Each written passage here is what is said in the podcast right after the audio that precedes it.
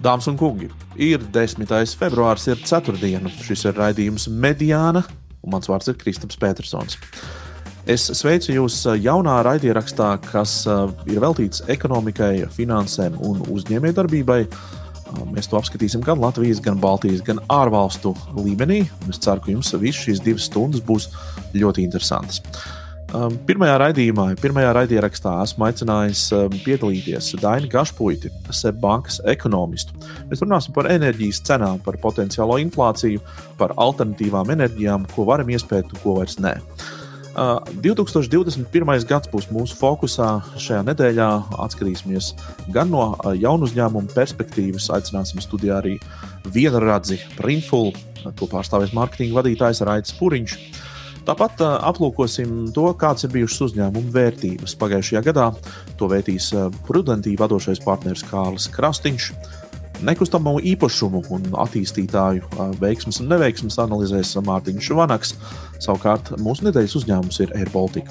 Studijā būs Mārtiņš Gauss. Nu, lūk, tad nu, maz tāds ieskats par to, kas vispār ir mediāna, kāpēc tāda ir vajadzīga, kas to vispār klausīsies. Un, jā, kāpēc tas vispār notiek šodien un tagad? Jāsaka tā, ka um, ekonomikas, finanšu un uzņēmēju darbības uh, un ziņas uh, par, par šīm jomām Latvijā ir diezgan skopas. Tā man ir jāatzīst, īpaši pēdējā laikā, tāpēc ka tas, ko mēs kopā mēdzam salasīt pa internetu portāliem, nu, jāatzīst, man pašam tas nav bijis pietiekami. Tad es esmu meklējis, kur kaut ko padziļinātāk var atrast. Protams, ka Leta dara labu darbu, un arī jūs redzat šeit apakšējā līnijā, tās ir Latvijas žurnālists savāktās ziņas un cepura nost viņiem par to. Um, nu, Delfī biznesa dara labu lietu, šur tur var ieskatīties šajā, šajā teiksim, portālā. Bet tā kopumā, ja mēs tā skatāmies, ne televīzija, ne prese vairs par ekonomiku tik, tik daudz nerunā. Un tas, protams, ir mazliet sāpīgi man kā bijušam arī ekonomikas žurnālistam. Jā, tieši tā, es 16 gadus esmu aizvadījis televīzijas žurnālistikā, un arī presē un, un radio. Un faktiski es esmu sapratis, ka šī niša ir tukša. Jāņem, kamēr var. tas ir viens. Otrs moments, tas, ko es esmu ievērojis tradicionālajos mēdījos, ir, ka mēs vienmēr gribam kritizēt, mēs vienmēr, vienmēr gribam norādīt kādam ar, ar pirkstu, ka tas nav izdarīts vai šis nav izdarīts, un politiķi ierēģi vienmēr tiek slānīti. Um, pamatoti dažreiz, un dažreiz arī nepamatoti. Un, um, tas, kas būs varbūt atšķirīgs šajā um, podkāstā vai raidierakstā, ir, ka mēs mēģināsim celt, nevis pelt. Tā tad uh, gribēs, tā, tā gribēšana ir atrast labus veiksmus stāstus, rādīt to cilvēku, tos cilvēkiem, iedvesmot viņus, bet arī aicināt šeit cilvēkus, kuri droši stāstīt par savām neveiksmēm un, un kā saka, atzīt savas kļūdas. Un, um, un stāstīt, kā nevajag darīt. Tā kā mēs esam atvērti pilnīgi visiem. Protams, ka um, kritiski skatīsimies uz visu. Nebūs tā gluži, ka lasīsim šeit preses relīzes vai, vai kaut ko tamlīdzīgu. Tātad to visu liksim kontekstā, skatīsimies, uh, ko mēģināsim rast to kopbildi. Tātad, kāda būs uh, šī raidieraksta struktūra? Uh, tātad um, tā struktūra ļoti vienkārša. Mēs sāksim ar galveno sarunu, kas caurvīs visas šīs divas stundas. Galvenā saruna parasti būs ar vienu cilvēku. Un, jā, un tā, tā tiks sadalīta tādos mazākos gabaliņos un izkaisīta visu, visu divu stundu garumā.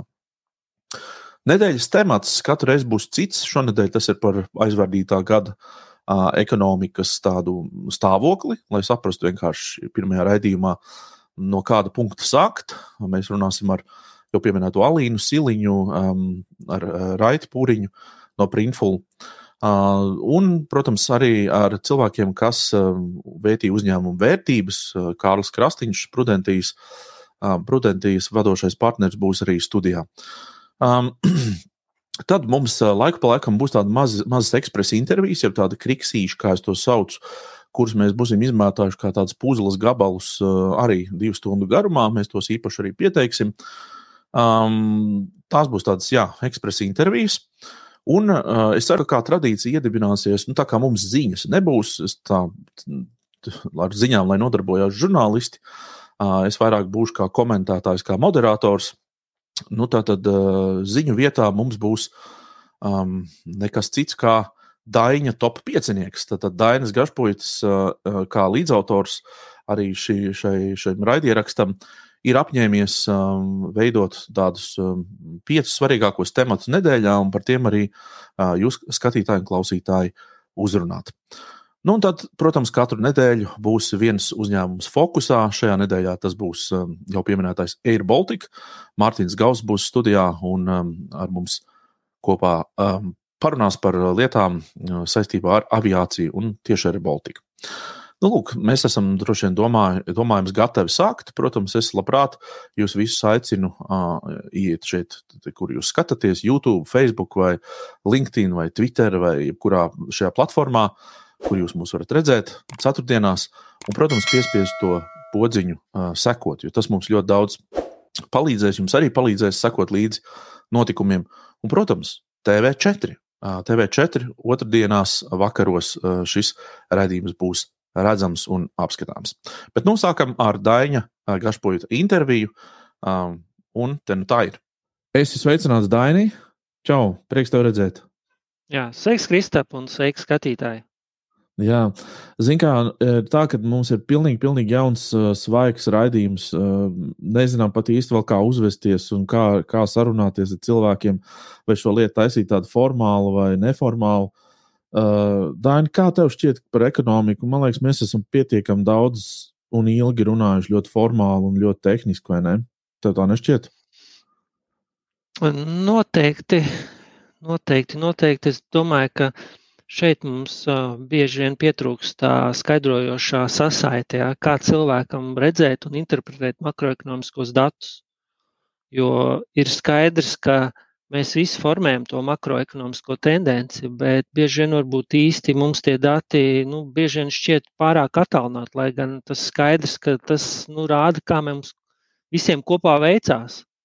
Un tas Jā, varbūt tāds tīri tas tulkojošais moments varbūt nedaudz pazudis, varbūt arī nav izveidojies tā, kā mēs varbūt gribētu sabiedrībā. Ja? Mēs varētu teikt, ka Latvijā nav tādas īsti varbūt, uh, ekonomikas komentēšanas kultūras. Nu, ir, protams, atsevišķi cilvēki, nu, protams, Pauls Rauceps, uh, kurš ir gadiem sekojis līdzi ekonomikai. Uh, varbūt ir vēl daži, nu, kurus mēs varētu vārdos nosaukt, bet, uh, bet tā nav īsti tāda tradīcija, vai ne? Droši vien, ka tas tā to var skatīties. Nu, Es teiktu, te mēs varam arī padiskutēt un pastrīdēties, jo es atceros, kad es tikko sāku strādāt, vai ne, un es paskatījos arī kārtājot um, dienu avīzi, ja, 90. gados, kā rakstīja par šīm Jā. tēmām. Es teiktu, ka diezgan būtisks progress ir bijis. Ja. Es atceros, mm pirmajos teiksim, 2000. gadu sākumā vispār nu, diezgan teiksim, tie sākumi vispār runājot par inflāciju pagāja labs laiks, lai cilvēki saprastu, kas inflācija vispār ir. Šobrīd mēs redzam, ka, protams, mēs to sajūtam, bet arī nu, tā izpratne par to, kas ir inflācija, ļoti daudz un dažādi. Ja, un, protams, ir skaidrs, ka katrs jau vērtē pēc sevis, ne, pēc savas personīgās inflācijas. Tā kā teiksim, evolūcija ir notikusi. Tas, ka varbūt eh, nu, tiešām tas ir tāds jau, tāds jau labu laiku novērots eh, teiksim, process, ka tomēr eh, šie ekonomikas daba jautā, e, dabas jautājumi tomēr Latvijā ir nedaudz nu, tā, teiksim, tā, mazāk populāri. Ja, teiksim, raisa mazāku interesi relatīvi pret to, ko, piemēram, es redzu, kā, piemēram, kas notiek Lietuvā vai Igaunijā. Un es to Jā. skaidrotu, zināmā mērā, arī vispār tādu to fokusēšanos, arī kā sabiedrības uz to aktualitāti. Ja. Nu, mums nav tik, tik daudz uz to biznesu orientētu, teiksim, teiksim, tā, tā fokus, ja, tā, to, to vērtību. Ja, mēs skatāmies arī tīri nu, pēc tās biznesa uzvedības, ne, jo tas zināmā mērā sasaistīts. Um, cik, cik agresīvi uzvedās tie paši lietuviešu biznesmeņi, ja, vai ne? Mēs paši jūtam, Jā, jā, jā. Un cik mēs esam tādā zināmā mērā, nu, neteiksim, pasīvi, bet nu, mēs neesam tik aktīvi. Un arī redzot, piemēram, arī kā veidojās um, tomēr arī tā biznesa plānošana, tomēr arī nu, teiksim, no Zviedrijas kontekstā tur ļoti izteikti šī tendence ir sākt visu um, biznesa plānošanu, izjūt no tā, kā tiek redzēta ekonomikas attīstība. Jā. Vēl starp citu, viena interesanta lieta, nu ne visi, protams, bet uh, es, uh, žurnālisti vai komentētāji, kas savulaik bija presē, mēdījos, uh, kļuva un aizgāja pa uh, nu, banka ekonomistu taku.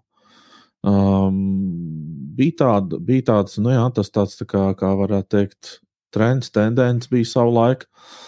Un, un, un, un tā, un no tā radās, es teiktu, nu, tāda banku ekonomistu um, nu, tāda, tāda grupa, tā to varētu nosaukt, kuri īstenībā žurnālistiem ļoti palīdzēja. Es atceros savu, savu laiku, kad es um, vēl biju žurnālistikā. Nevarētu teikt, ka es ļoti daudz ko sapratu par, par ekonomikas procesiem. Man bija ļoti teorētiska nojauta, jo es praktiski nekad nebiju bijis ne uzņēmējdarbībā, ne redzējis uh, darbībā nu, teiksim, visu to, to ekonomiku no otras puses, jā, no darba devēja puses.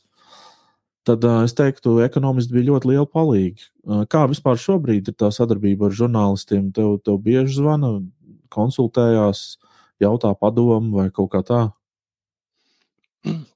Nu, es teiktu, ka arī mūsu darbu ir ietekmējis zināmā mērā šī mēdīņa konsolidācija. Un tomēr tas, ja mēs atcerēsimies, pirms gadiem desmit eh, daudzas lietas tika nu, teiksim, ziņotas plašāk, ja, vērienīgāk, bija vairāk šie mēdī, katram kaut ko vajadzēja. Šobrīd tomēr tā konsolidācija ir jūtama. Bet eh, nu, savā ziņā es teiktu, arī šie komentētāji, ja, un arī tie, kas iesaistās analīzē, ir eh, teiksim, šis, šo, šo zinātāju, pārzinātāju analītiķu klāsts ir kļuvis plašāks. Līdz ar to, mm -hmm. nu, es teiktu, arī nu, tā, tā analīze ir kļuvusi daudz kvalitatīvāka, ja? daudzpusīgāka.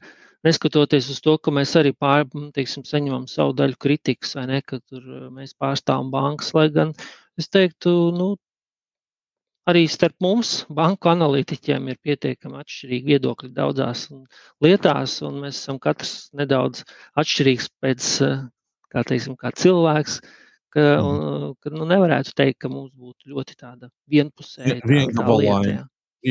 Jā, jā nu, tikai, tikai šeit bankā ir iespēja sēdēt uz vairākām tādām informācijas plūsmām, kas, nu, teiksim, iedod dažas lietas, varbūt, nu, teiksim, labāk redzēt, ja, nekā varbūt esot kādā vienā tādā jomā. Nu, tas varbūt arī, nu, ļauj un, un sniedz to iegūmu. Jā. labāk saredzēt un iedot kaut kādu savu skatījumu uz, to, uz lietām, kas notiek. Nu, es ceru, ka šis, um, šis tāds mūsu aizsākums varētu būt, um, kā saka, tāds interesants, varbūt virziens. Redzēsim, kā tas attīstīsies. Es labprāt gribētu viņu organizēt tādu ļoti neformālu šo platformu, lai, lai visiem ir iespēja izteikties, lai cilvēkiem ir iespēja uzto, uzdot cilvēcīgus jautājumus un saņemt arī cilvēcīgas atbildes. Nu, uh, Kā saka, tas būtu varbūt tas pirmais. Otrs, pilnīgi noteikti, ir visu laiku turēt uh, roku uz pulsa uh, tai, tai rītdienas, tai nākotnes tendencei. Man liekas, tas, kas mums Latvijā ir ļoti izteikti, ka mēs kaut kā nesekojam līdzi. Ir, ir analītiķi ārā, ir ekonomisti un vispārējie, kas mūs par kaut ko brīdina, bet uh, ne, ne politiķi īsti ņem vērā šos brīdinājumus. Un līdz ar to arī mēdīja un sabiedrība, tā, tā dienas kārtība nav vairs tik aktuāla. Un tad brīžiem mēs kaut ko palaidām garām, un, un, un pēc tam brīnamies, tā kā tas būtu kaut kas tāds pilnīgi jauns un, un nezināms. Es varu no vēstures daudz ko nosaukt. Um, bet um, nu es ceru, ka šis varētu būt kaut kāds tāds, tāds pagrieziena punkts, varbūt, ka cilvēki paklausītos, paskatītos. Jā, vairāk. šis, es teiktu, ka uzstādījums ļoti vērtīgs, jo ir skaidrs, ka ne rakstā cilvēki ir gatavi lasīt daudzas lapas, jā, pamatā nu, tā uztvere ir līdz pusotrai lapai. Jā. Gan arī teiksim, lielākos mēdījos nu, viņi katrs cīnās par katru sekundi, un tur izvērstāk ir grūti pastāstīt. Tāpēc bieži vien teiksim, nu, izgriež nu, tur dažu sekundžu tavu teikto, jā, varbūt, kas arī, nu, jebkurā gadījumā ir ar lielu risku, tad tomēr tiek uztverts zināmā mērā, nu, tā, nu, nepilnā mērā, ko tu biji domājis, ja, nu, kaut kādā jā, jā. kontekstā, nu, no tā izvairīties nevar. Līdz ar to mēs šeit varētu būt tāds pārējais posms, ka, kur mēs varētu dažas lietas, teiksim, detalizētāk padiskutēt, jā, parunāt, arī, teiksim, konstatēt, kur varbūt mums pietrūkst izpratnes. Ja? Jā, jo no ekonomikā ir ļoti, teiksim, nu, ļoti daudz lietas, nav viennozīmīgas. Ja? Jā, varētu Danim piekrist. Tiešām ekonomika ir tāda neviennozīmīga uh, padarīšana. Uh, mēs to esam ļoti labi sapratuši gadu laikā un centīsimies, protams, to tā arī atspoguļot. 21. gads, um, tātad, kāds tas ir bijis? Uh, protams, šobrīd vēl joprojām ir daudz pieņēmumu, bet ir šis tas arī skaidrs.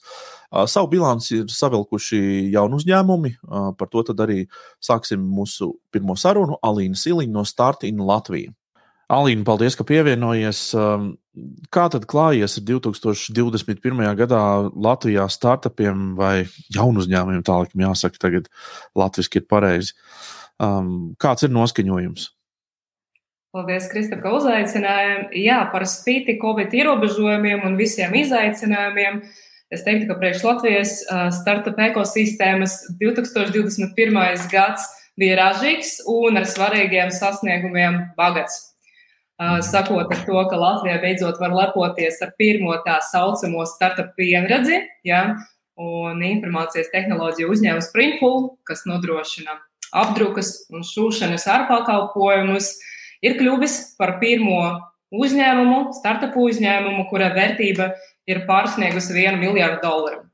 Un uh, lielākoties pateicoties uh, Printful investīciju um, darījumam. Pērngādā tika arī sasniegts rekords piesaistītu investīciju apmēra.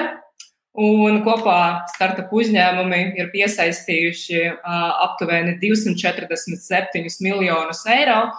Un tas ir tikpat daudz, cik iepriekšējā desmit gadu laikā kopā.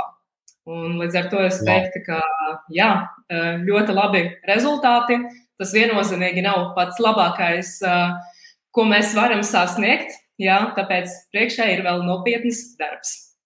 Jā, tu teici par, ski, par spīti pandēmijai. Tas nozīmē, ka tā tad um, jaunu uzņēmumus tāda pandēmija īsti netraucē. Tas nozīmē, ka viņi visi ir kaut kur uh, droši vien ne reālajā vidē. Viņi kaut kur droši vien eksistē visi virtuāli un spēj virtuāli radīt pievienotu vērtību, vai ne? Nevienmēr, un tas tiešām ir atkarīgs no tā, kāda niša un kāda industrija darbojas konkrēts jaunu uzņēmums. Ja, bet taisnība ir, ka lielākoties jaunu uzņēmumiem ir iespēja sniegt savus pakalpojumus un mērogot tos pakalpojumus un servisus digitālajā vidē. Ja? Un arī uh, daudziem es teiktu, ka tieši tie uh, Covid apstākļi palīdzēja attīstīt um, biznesu un izdarīt to ātrāk. Ja? Kāda veida, jo pieauga pieprasījums pēc digitāliem pakalpojumiem visā pasaulē. Un tas, kas momenta, pareizā momenta ir noķēris to vilni, arī spēja nu, akcelerēt savu sasniegumus un savu izaugsmi. Un es teiktu, ka vēl viens tāds svarīgs faktors ir darbinieku piesaiste, ja, jo šobrīd ja, jauna norma, ka mēs vairs neesam piesaistīti pie konkrēt, konkrētas fiziskas lokācijas, un kas jaunu uzņēmumiem un arī citiem uzņēmumiem dod iespēju uh, kā, uh, uzrunāt darbiniekus no visas pasaules. Jā. Alīna, ko tu esi novērojusi, kur parādās šie jaunu uzņēmumi. Es atceros, ka agrāk bija tās tech-hub tikšanās, tad tur cilvēki nāca, viens no otra iedvesmojās. Tad ir LIBE inkubatori, zinu, tad ir dažādi tie ideju kausi un kas tur vēl tie, tie, tie, tie mm, konkursi, kur viņi tur parādās. Kur tu jūti, kur tā vis, vis, vislabākā augsne šobrīd ir, kur viņi izauga? Es domāju, tas nostrādā viss kopā, un tu pareizi pieminēji, ka ekosistēma šobrīd ir diezgan labi attīstīta Latvijā, un tas dalībniekiem, iesaistītām pusēm ir ko piedāvāt. Ja?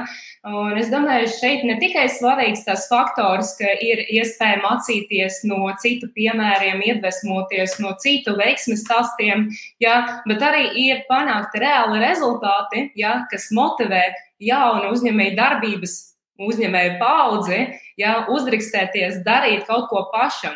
Un es domāju, šeit arī svarīgi pieminēt uh, iniciatīvas, kas, kas ir vērstas uz studentiem.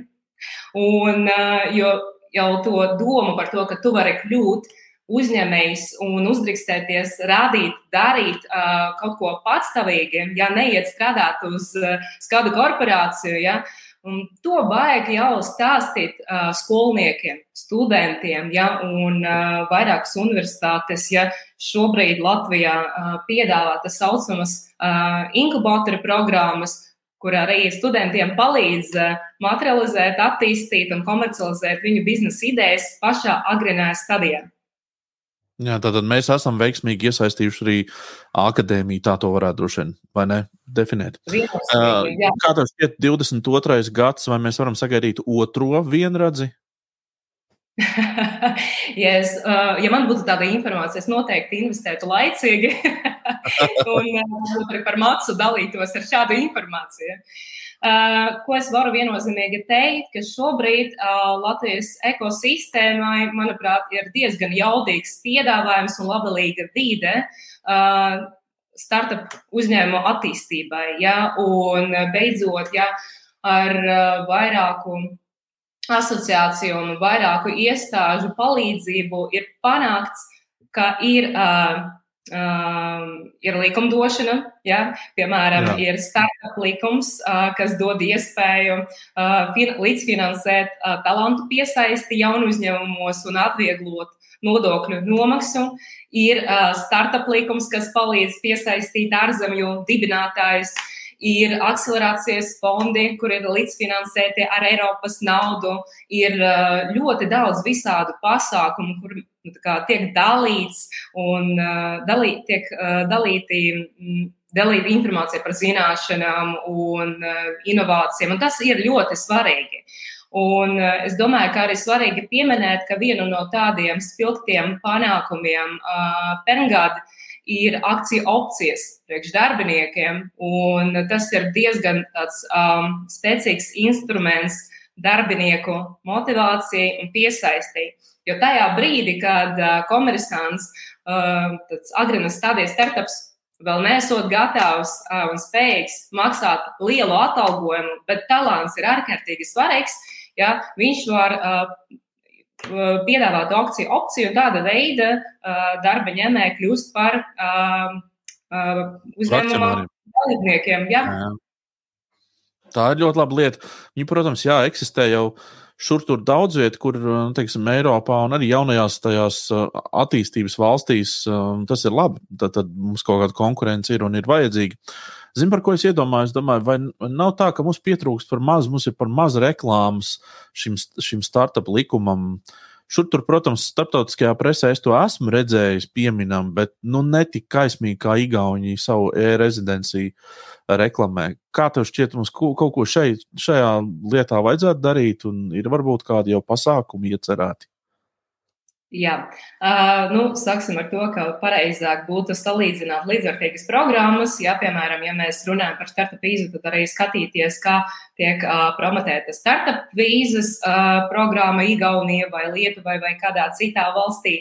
Uh, ja mēs runājam par startup līkumu, ja, tas ir diezgan tāds unikāls uh, likumdošanas projekts, ja, uh, un uh, viennozīmīgi uh, būtu vērts uh, promotēt. Un uh, es teiktu, ka tas arī tiek darīts, ja varbūt netiek jaudīgi, cik to ir iespējams darīt. Ja, uh, Un uh, daļai varbūt to ietekmē arī Covid laiki, pandēmija, ja, jo agrāk, piemēram, bija iespēja uh, taisīt tā saucamas roadshows, braukt uz ārzemēm un dalīties un stāstīt par to, kādus labumus piedāvā Latvijas ekosistēma ārzemniekiem. Ja, šobrīd ja, viss tas ir pagāj, pārgājis tieši saitē, ja, un diezgan grūti noturēt uh, potenciālo kā, mm, talantu uzmanību. Jā, jā, jā. Alīna, liels paldies tev, un uh, mēs noteikti tiekamies. Paldies, Kristap, jā, uz sazināšanos. Noteikti, ka startup vai jaunu uzņēmumu ziņas būs uh, mūsu uh, dienas kārtībā. Uh, es ceru, ka ar laiku izveidosim pat tādu kā rubriku šai uh, jomā īpašu. Um, bet uh, nu, ķeramies klāt mūsu pirmajam vienradzim, miljardu kompānijai, kā to sauc pasaulē. Um, tas ir Printful. Printful mums jau ir zināms, uz virs apgājuma kādu laiku jau ir bijis. Daudz pozitīvu esam dzirdējuši, un es ceru, ka to pašu dzirdēsim par pagājušā gada sasniegumiem un plāniem šogad un nākamajos gados no Raita Puriņa, Printful marketinga vadītāja. Tātad sveicināts Raiti Mediānā. Kā tev klājās? Sveiks, jautrs gads ieradies. Labi klājās, kā tev? No, ideāli. Iedomājieties, jauns, jauns podkāsts par ekonomiku, uzņēmējdarbību, finansēm. Kas par atbildību? Kas par atbildību? super, super. Nu, kādam jau to jārunā? Jā. beidzot, beidzot.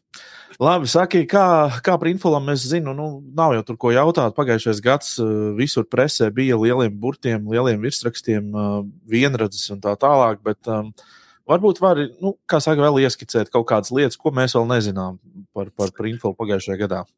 Vai, nu, pēdējie divi gadi jau nu, kopumā jau tā ļoti jautri, jo nu, pandēmija ir pandēmija un ieguvēja ir e-komercijas spēlētāji. Nu, arī mēs esam vieni no tiem, kas tajā nišā darbojas un uz tā viļņa mēs turpinājām strauji augt. Un, un, un, protams, tā trakni virsrakstī, kā vienradzes pirmais Un mēs arī to gadu ļoti labi noslēdzām. Nu, tas mūsu pļaujas laiks ir eh, novembris, decembris, Black Friday, Cyber Monday lielākie. Un, un principā, vienā nedēļas nogalē mēs eh, vairāk kā 13 miljonus uzģenerējam. Principā, vienā nedēļas nogalē, kas, kas ir daudz. Kā, nu, tas bija mūsu labākais gads ever, kāds jebkad bijis. Un varbūt tāda vēl viena milestone, ko mēs dabūjām, ka mūsu valuācija ir miljards, bet arī mēs kopumā kopš mēs sākām 3, no 13. gada, tad uh, arī mūsu klienti caur mūsu platformu ir vairāk kā miljardu izziņš caur dolāru. Arī tāds liels, liels uh, nu, vicpā, mēķis sasniegts, un nu, tas arī parādīs, ko tad caur mūsu platformu var citi izdarīt. Un, un, un mums ir arī vairāk, vairāk miljonāri caur mūsu platformu kļuvuši, izmantojot printful, pārdodot apdrukātus produktus. Tā kā ļoti forši. Tas ir jauki. Atgādini vēlreiz, kur ir jūsu bāzes stācijas. Tātad jūs esat šeit, Rīgā. Jā, nu, tad mēs eh, lielākā daļa no komandas, kas ir projekta vadība un, eh, principā, te ir visi departamentu vadītāji, kas mums esam Rīgā, Latvijā. Eh, bet no tāda cilvēka skaita ziņas lielākā daļa no cilvēkiem ir ASV un Meksikā, nu, kas arī tad ir mūsu mērķis ASV, kuri tad, nu, izdara patiesībā to darbu, bez kuriem arī man nebūtu darba. Viņi arī apdrukā šos krēklus un visus produktus iepako nosūta gala klientam. Tas ir tas galvenais tirgus. Vēl Eiropā mums ir daudz arī patiesībā kolēģi jau izauguši arī Spānijā, Barcelonā. Man tur ir ļoti daudz ne angliski runājušie kolēģi, kas palīdz ar saturu citās valodās. Un arī nu, tas ir mūsu iespēja meklēt vēl papildus talants, kas mums pietrūks. Bet kopumā mums ir vairāk, zinām, līdz laikam sajūta vairāk kā 10, šeit ir 14 lokācijas. ASV, Kanāda, Brazīlija, Eiropā, Spānija, Rīga, arī Pēna, UK pēdējā no ražotnēm. Japāna un Austrālija. Tā kā kopumā vairāk kā desmit gabals un tāds nu, globāls tvērums ir, kur, kur mūsu pasūtījums var ātri pasūtīt un saņemt. Jā, prieks dzirdēt par šādu veiksmu stāstu. Kas ir šajā gadā iecerēts? Varbūt var iezīmēt tādās dažās līnijās. Nu, es pieļauju, ka visu to nevar atklāt, bet nu, ko var? uh, nu, darīt to pašu, ko patiesībā iepriekš. Nu, kā, uh, turpināt paplašot geogrāfiju, uh, dažādos veidos, kā mēs varam pievienot jaunus produktus, jo tās bijušas tās panākuma atslēgas iepriekšējos gados. Kā neturpināt apstāt, apstāties ar izaugsmi.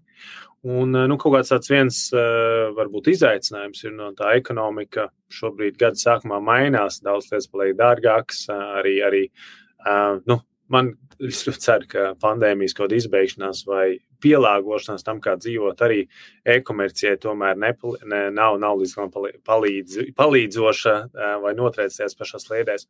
Un ar to tik galā saprast, kas tad ir tas nākamā lieta, lai nu, mēs turpinātu tikpat strādāt, attīstīties, kārtoties un tad iet uz priekšu kā uzņēmums. Jā. Nu, ko es novēlu visas tās veiksmes? Es pieļauju, mēs raidījām, satiksimies vēl kādreiz, vai nu šī gada, vai nu, ietvaros, cerams, vai ne? Un tad uh, salīdzināsim, kā tad būs gājis. Paldies, tev liels! Super, paldies, jauka diena!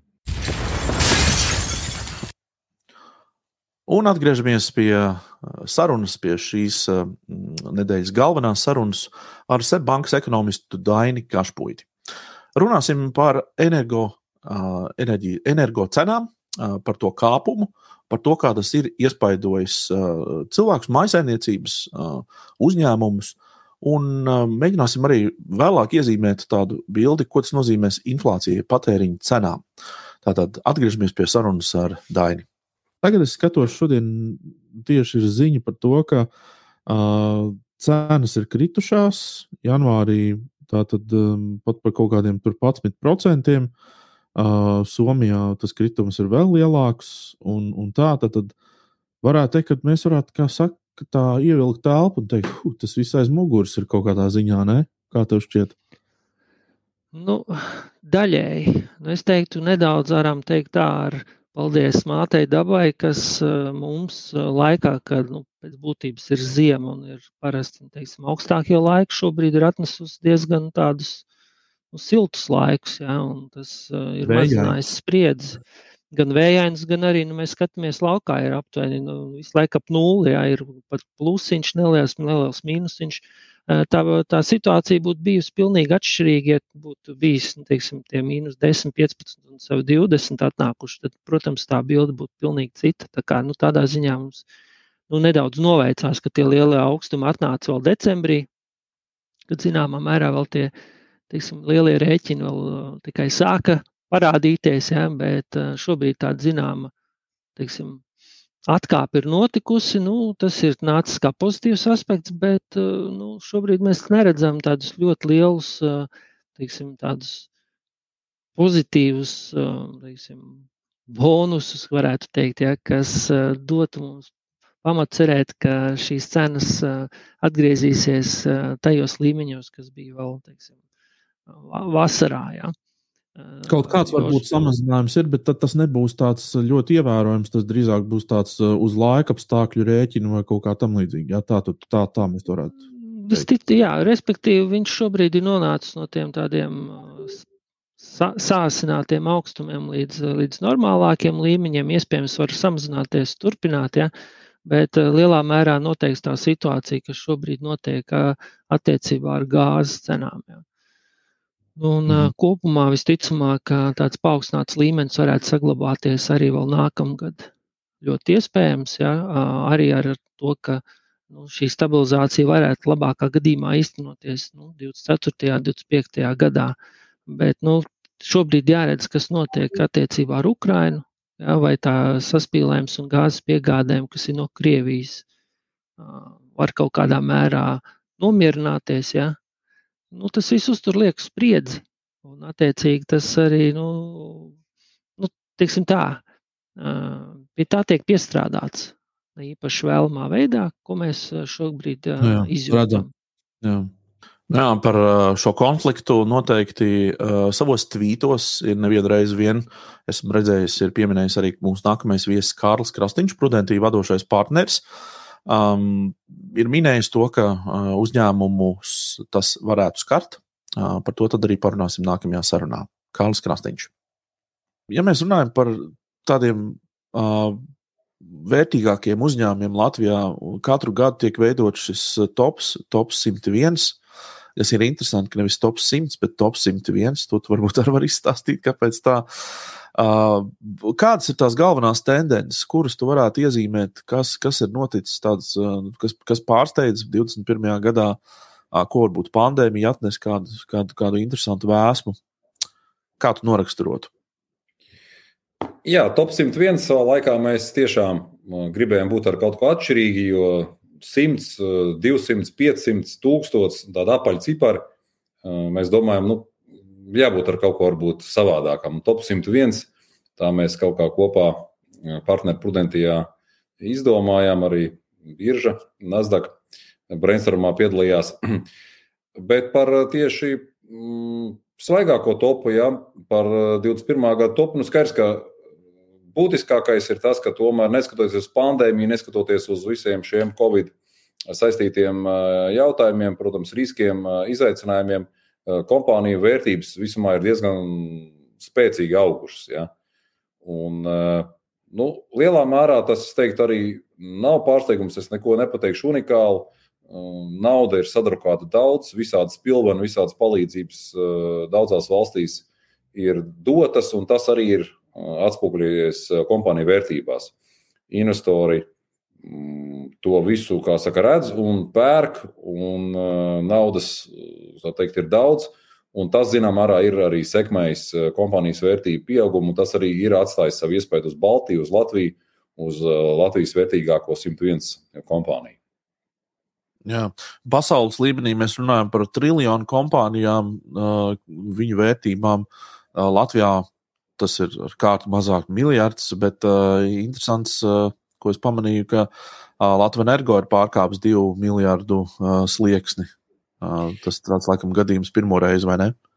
Jā, Latvijas energo ir vērtīgākā Latvijas kompānija jau daudzus gadus, un arī šoreiz, un arī tas vērtības pieaugums ir pietiekami labs. Bet es teiktu, mikrotīkls ir tiešām Latvijas tāds reāls miljardu uzņēmums, privātais kapitāls. Tātad tas nepiedara valstī vai kaut kādam institucionāliem investoriem. Tas ir īpaši jāatzīmē, un arī ražošana būtībā tas ir, kas ir labi.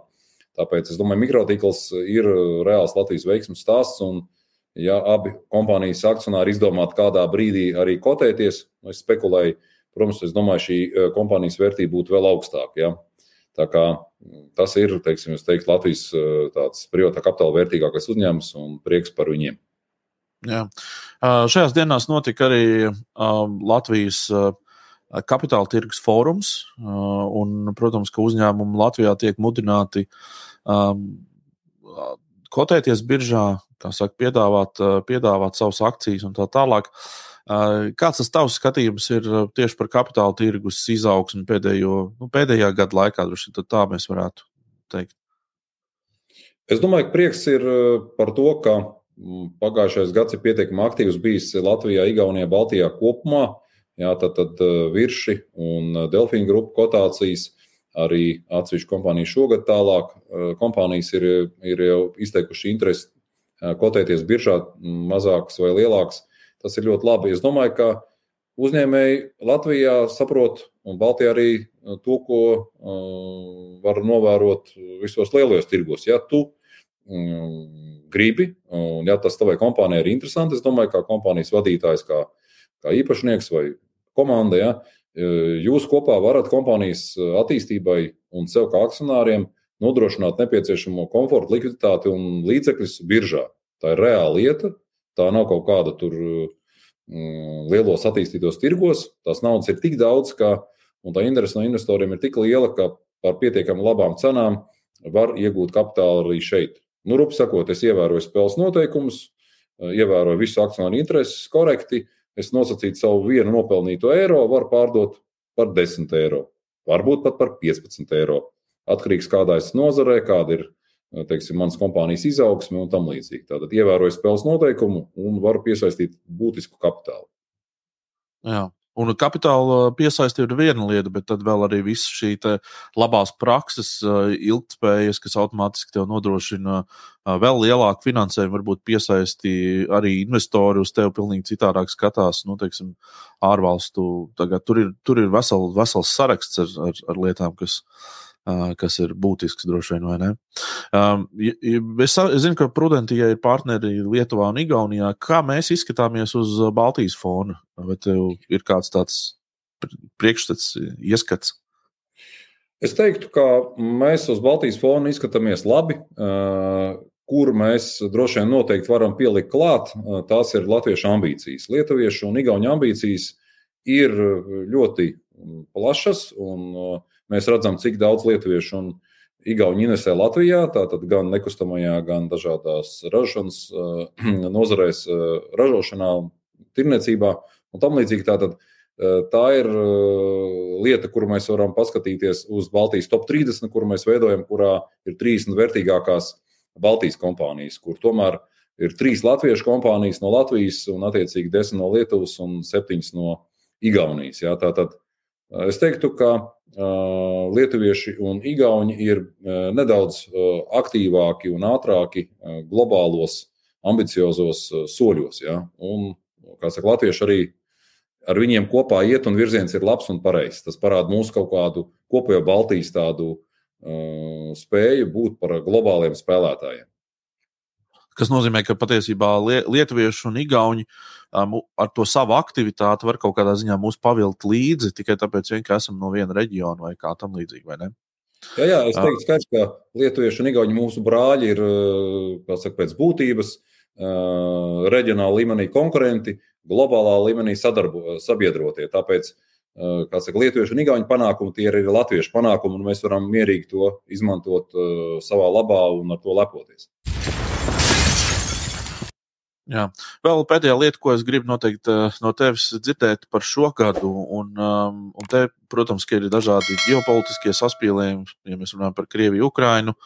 Uh, ir vēl dažādi izaicinājumi. Ir tas tā saucamais zaļais kurs, kur eh, daudz uzņēmumu plāno tagad kaut kādas investīcijas un mēģina saprast, eh, kas nu viņiem tagad ir jādara. Uh, sakot, ir virkni dažādi izaicinājumi. Kā tu redzi, kā tas ietekmēs uzņēmumu vērtību šī gada, šī gada kontekstā? Jā, es domāju, ka mēs dzīvojam ļoti interesantā laikā. Varētu teikt, eh, protams, šie riski, kas saistīti ar ģeopolitiskiem riskiem, ar Krievijas uh, darbībām un visu šo saspīlējumu, kas turpina pieaugt starp Krieviju un, un Rietumiem un Ķīnu un attiecīgi Rietumiem, ir būtiski izaicinājumi. Un, protams, Latvija un Baltija ļoti aktīvi ietekmēt šos lielos ģeopolitiskos procesus nevar, bet, protams, var vērot un izprast un, un, un būt tiem klāt. Es ceru, ka mm, vismaz es skatos uz to, ko investori redz un dara un domā pašlaik Mm, Baltijas eh, līmenī mm, šie riski, protams, kaut kādā mērā tiek iecenoti, bet tas nav eh, kaut kas dramatisks. Investoru interese ir pietiekami eh, noturīga un pieauguša par Baltiju. To mēs redzam pēc savu darījumu portfeļa. Un mēs domājam, ka šajā gadā mēs veiksim nu, pēdējos gados lielāko darījumu skaitu, ko mēs varētu būt veikuši. Un, es domāju, ka kopumā vēl būtu pēc šiem ģeopolitiskiem riskiem jāmin arī tās lietas, kas saistītas ar uh, pandēmiju un covid tādā izpratnē, ka ir inflācijas, uh, mēs redzam, draudi un spiediens gan patēriņa cenām, gan industriālām precēm. Un centrālās bankas jau daudzos vadošos tirgos maina politiku, ceļ likmes vai katrā ziņā runā par likmu celšanu. Tas ir tas, kas kopumā atvēsinās kapitāla tirgu un arī tehnoloģiskais burbulis, ja tā var izteikties, kas, kas, kas ir veidojies, lēnām sāk laist kaut kādu daļu gaisa ārā. Tas arī ietekmēs uzņēmuma vērtības. Tāpēc es domāju, ka visumā tāds pieaugums uzņēmuma vērtībās, kāds bija 21. gada topā, diez vai būs redzams 22. gada topā, runājot par šo gadu. Jā, kas man bija pārsteigums, man likās, ka tieši pandēmija kaut kādā ziņā varētu kaut ko ietekmēt, bet izskatās, ka tur tā loma nemaz nebija tik liela. Nu, kā tu arī sākumā minēji, tas kā, tā vai tā ir kaut kāda inerce, vai, vai tas, kas notiek vēlāk, ja tas vienkārši uzņēmumu vērtību kā tādu neskar vispār. Es domāju, ka, ka tomēr skar, bet, mm, kā lai saka, pandēmija uh, ir. Parādījusi, ka ir noteikts nozars, eh, kuras, protams, ļoti cieši, kā mēs redzam, tā ir. Tie ir starptautiskie pārādājumi, tā, tās ir biznesa turisms, tās ir uh, turisms kā tāds viesnīcas biznesa, ja, kas ir ļoti cietis un uh, transformējās un ir, ir smagi. Ja. Bet lielākā daļa pārējo nozaru ir adaptējušās pandēmijas radītiem viļņiem. Nu, pēc būtības es teiktu, ka, ko, ko, protams, lielākais mīnus, kas ir no šīs pandēmijas, ir Protams, visu cilvēku ierobežojumu un nērtības un, un veselības problēmas, kas ir, kas ir daudzās ģimenēs traģēdija, par to nav stāsts. Bet tas, ka ir šie eh, lielie viļņveidīgie dažādi veidi ierobežojumi, kas ir objektīvi dēļ tās pandēmijas, kas, kas kā saka, būtībā bojā starptautiskās piegādes ķēdes. Tad ir kaut kādas lietas, kuras teiksim, apstādina, un viņas nepērk, un tad viņas grib visi pirkt. Ja? Un tas rada tādus baigos uh, svārstīguma elementus. Un šis svārstīgums ir viens no klasiskiem riska veidiem. Jo svārstīgāks ir aktīvs, jo svārstīgāk ir kaut kāda lieta, jo viņi ir riskantāki. Ja? Tas ir domāju, pandēmijas uh, negatīvais iespējas, bet tā kā valdība, kā jau mēs runājam, un centrāla banka darbības, kas ir šos uh, palīdzības instrumentus, un buferus un drukāšanas mašīnas ieslēgušas, ir varētu pat radījušas tādu, nu, es teiktu, kaut kādu burbuli, ja, kur šīs naudas un iespējas ir bijis eh, par daudz kaut kādā mērā, un tas rada šo inflācijas spiedienu, kas ir redzams gan nekustamā īpašuma cenu pieaugumā, gan akciju cenu pieaugumā, gan arī beigās patēriņa cenu pieaugumā. Jā, tur ir viens operatīvais uh, skatītāja jautājums par, uh, par to kontekstu, kur mēs runājam par ģeopolitiku, vai, vai fakts, ka daudzi Latvijas uzņēmumi, nu, uzņēmumi Latvijā pieder Krievijas īpašniekiem, var radīt draudus vai nē. Kāds tas tavs skatījums būtu? Es domāju, ka tomēr tas ir. Es teiktu, gribētu tādu spēkot. Es negribētu piekrist, ka daudz Latvijas uzņēmumu piekri, pie, piedara Krievijas īpašniekiem. Krievijas kapitāla mm, īpatsvars Baltijas valstīs, manuprāt, ir pietiekami izlīdzināts. Vairāk vai mazāk tās ir tādas personīgas, personīgas investīcijas nekustamajā īpašumā. Nu, ražošanas. Jā, bet, bet es domāju, ka ka, ka principā tas īpatsvars nav tik liels. Jā, tā tad es, es domāju, ka jau pirms pandēmijas arī šī visa finanšu regulācijas, vides maiņa un tam līdzīgi. Un vislielākā ģeopolitika, protams, padara Krievijas uzņēmēju, Krievijas rezidentu darbības ārpus Krievijas, ir sevišķi Eiropā, ASV, nu, pietiekami sarežģītas un grūtas. Un, šīs investīcija plūsmas un kapitāls jau ir ticis bremzēts un bremzējies jau vairākus gadus. Tā kā es eh, tādu būtisku risku neredzētu Latvijas vai arī Lietuvas vai Igaunijas gadījumā kaut kādām ražošanas vai tādām citām vitālām nozarēm. Jā. Eh, Kārlis Krastīņš, eh, Prudentī vadošais partneris. Mēs gaidīsim vienmēr tevi ar prieku atpakaļ.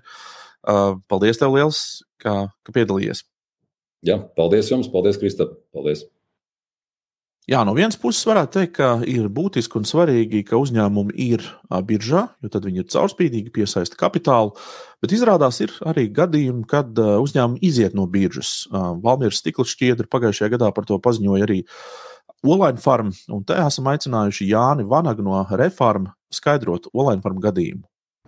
Vispirms man jāsaka, ka uh, atrašanās biržā ir eh, vienmēr ļoti atkarīga tieši no konkrētā uzņēmuma, ļoti konkrētos apstākļos. Eh, ja mēs redzam, ka uzņēmumam ir nepieciešama eh, teiksim, lielāka vienprātība par stratēģiju, teiksim, tāpat arī nu, tāda aktīvāka, mērķiecīgāka attīstība, tad, tad vienmēr ir jāizvērtē, kas konkrētajos apstākļos uzņēmumam dod vislielāko efektu, vai atrašanās biržā, vai teiksim, citu citu veidu uh, kapitāla mm, piesaistīsim caur obligācijām vai mm, kapitāla piesaist no privātiem investoriem. Un um, katram uzņēmumam uh, tas, uh, nu, tas motivācija un, un apstākļi ir dažādi.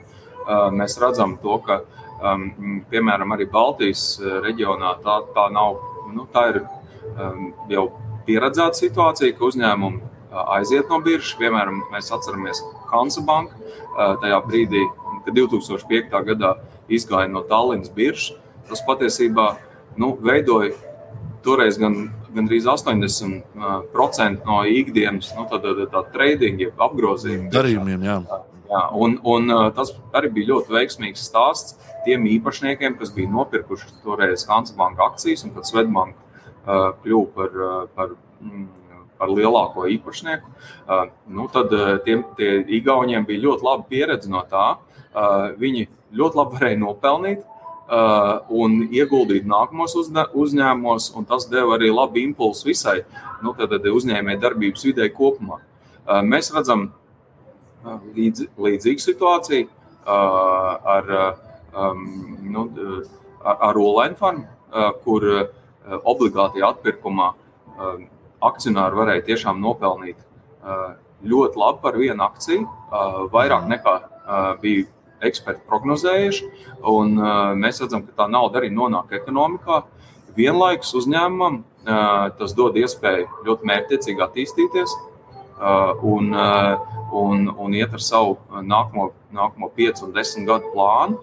Uh, un arī akcionāru vidū ir, mēs redzam, ir tā saliedētība, lielāka vienprātība, kas ļauj nu, tā mērķiecīgāk iet uz priekšu.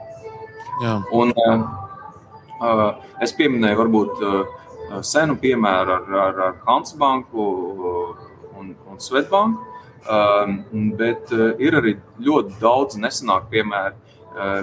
Rainēra aiziešana no Londonas biržas pirms aptuveni mēneša, nedaudz vairāk kā pirms mēneša. Tur iemesls bija tātad kapitāla izcelsme, un mēs zinām, ka eh, Eiropas līdzsabiedrībām ir jābūt ar, ar, ar eh, Eiropas eh, kapitālu. Un, un tur atkal iemesls bija tieši tā kapitāla dzimtene, ja, kur, kur, kur bija jāmaina dēļ tā, ka uh, Lielbritānija apvienotā karaliste izstājas no Eiropas Savienības. Eiropas Savienības jā. Un, un katrā, katrā konkrētā gadījumā tas ir cits, cits stāsts.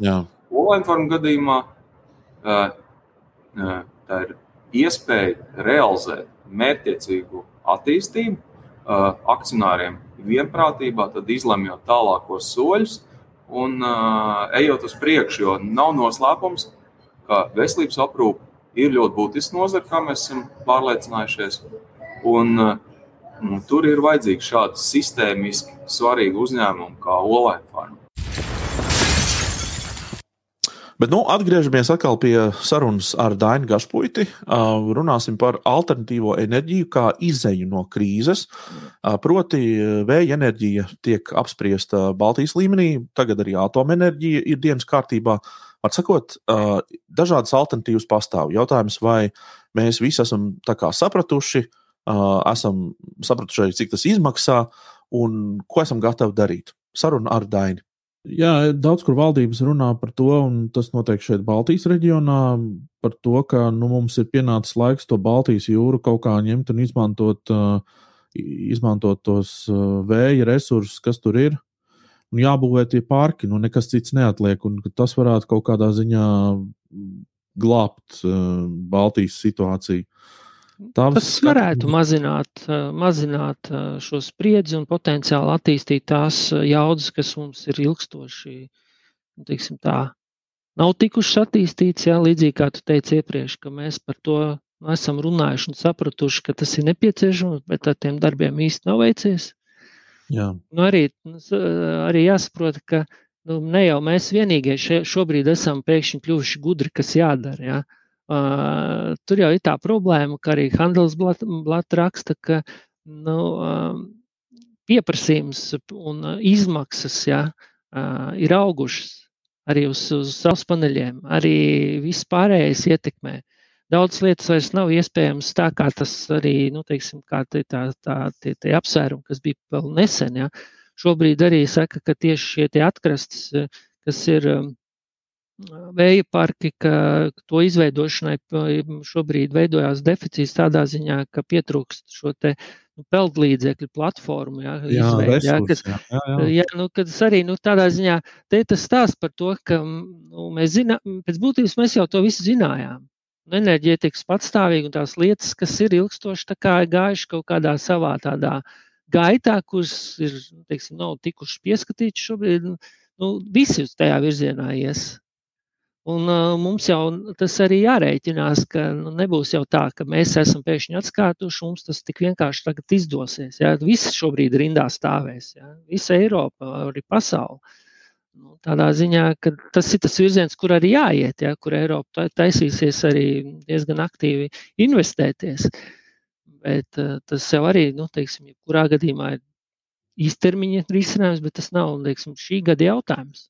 Protams, nē, to nevar ātri, to nevar ātri nemaz tā, kā saka, risināt. Jā, un tie palīdzekļi, es esmu pat dzirdējis, ka tur tās cenas ir ļoti lielas. Piemēram, tas viens, tā viena platforma, kas, kas būvē speciāli tos vēja rotorus, kas liek tur dzēni iekšā viņus tajās dzelmēs, ir izrādās 250 tūkstoši eiro diennaktī. diennaktī. 250 tūkstoši eiro diennaktī maksā. Tā kā tu, ar visu apkalpu, ar visu, visu tur, eh, nu, tas ir uh, normāls cipars. Normāls cipars, lai to varētu atzīt uz, uz Baltijas jūru un, kā saka, uzbūvēt kādas, cik tur grib Igaunijas valdība. Teiks, ka mums tur tūkstoši, tūkstoši rotoru būtu, kā saka, kā reize pie piekrastē vēl, vēl, vēl kapacitāte. Uh, Un Igauni arī ir uzbūvējuši savu parku, uh, un viņi pat palīdzējuši Somijam būvēt. Esti enerģija ir palīdzējusi Somijam uzbūvēt, bet man kā teica, ka viņi nevarot dabūt atpakaļ to enerģiju tikai tāpēc, ka tur esot kaut kādu uh, tīkla nesakritības, kaut kādas, un to viņi nevarot vienkārši dabūt pie sevis to, to enerģiju. Līdz ar to atkal koši pirkstos. Nu, tā kā es domāju, mēs diezgan daudz mācīsimies no, vispār, no tās situācijas, kā tādas, no tām tehnoloģijām un, vispārējā. Tur vēl gan jau zila brīnuma vēl būs. Tieši tā, es domāju, ka tas viss enerģētikas jautājums, nu, teiksim, viņš jau ir bijis ļoti svarīgs, bet šobrīd būs priekšplānā, ņemot vērā to lielo tempu, nu, kas ir izvirzīts jā, uz tajā zaļajā pārējā. Mm. Un šobrīd arī bija, teiksim, šodien bija ziņa, ka praktiski ir veikti lielu uzņēmumu tāds audits, jā, kā viņiem iet ar to visu. Tur konstatēts, ka praktiski visi tie plāni uzstādītie ne tuvu nav iespējams izpildīt. Ja? Tur tās investīcijas, kas paredzētas to plānu izpildīt, ir tikai par aptuveni 40%. Kas arī oh, norāda uz to, ka tāds zināms stress nu, teiksim, turpināsies šajā jomā, kas arī nu, zināmā mērā, nu, tā, ja mēs skatāmies, ko mums tas, ja, tas tiešām mums liks ļoti rūpīgi vērtēt, teiksim, kā, kā, kā mēs apkurinam dzīvokli. Ja? Nu, Visus šos energoefektivitātes jautājumus būs pilnīgi citā līmenī. Pilnīgi katram, ja? jo tas nozīmēs viens kļūdains lēmums, maksās diezgan dārgi. Ja? Kaut ko līdzīgu, varbūt, kā tu minēji, ar Igauniem, līdzīgi arī mums. Ja? Nu, kaut kādas, kaut kādas neatbilstības vai nepareizas teiksim, teiksim, tās, uh, sistēmas uh, izvēle. Ja? Uh, var, kas nestrādās kādos noteiktos apstākļos, var maksāt mums diezgan personīgi, diezgan dārgi. Nu, Jā. teiksim tā, mums nāksies pie tā piedomāt daudz rūpīgāk nekā varbūt mums šķiet vēl salīdzinoši nesen. Nu, lūk, atgriezīsimies pie sarunas un runāsim vēl par inflāciju ar Dainu, bet tagad es piesaku tematu par nekustamo īpašumu. Konkrēti par to, kā ir veicies nekustamo īpašumu attīstītājiem, kāda pat labi izskatās Rīga salīdzinājumā ar Viļņu un Talliņu. Mums patīk vienmēr nedaudz salīdzināties. Vai pieprasījums ir apmierināts, vai notiek stagnācija, vai ir tieši otrādi jūtama burbuļu veidošanās pazīmes. Par to visu sarunā ar Mārtiņu Vanagu. Birojos līdz ar attālinātā darba attīstību, teiksim, tā situācija nav pārāk, nav pārāk vienkārša.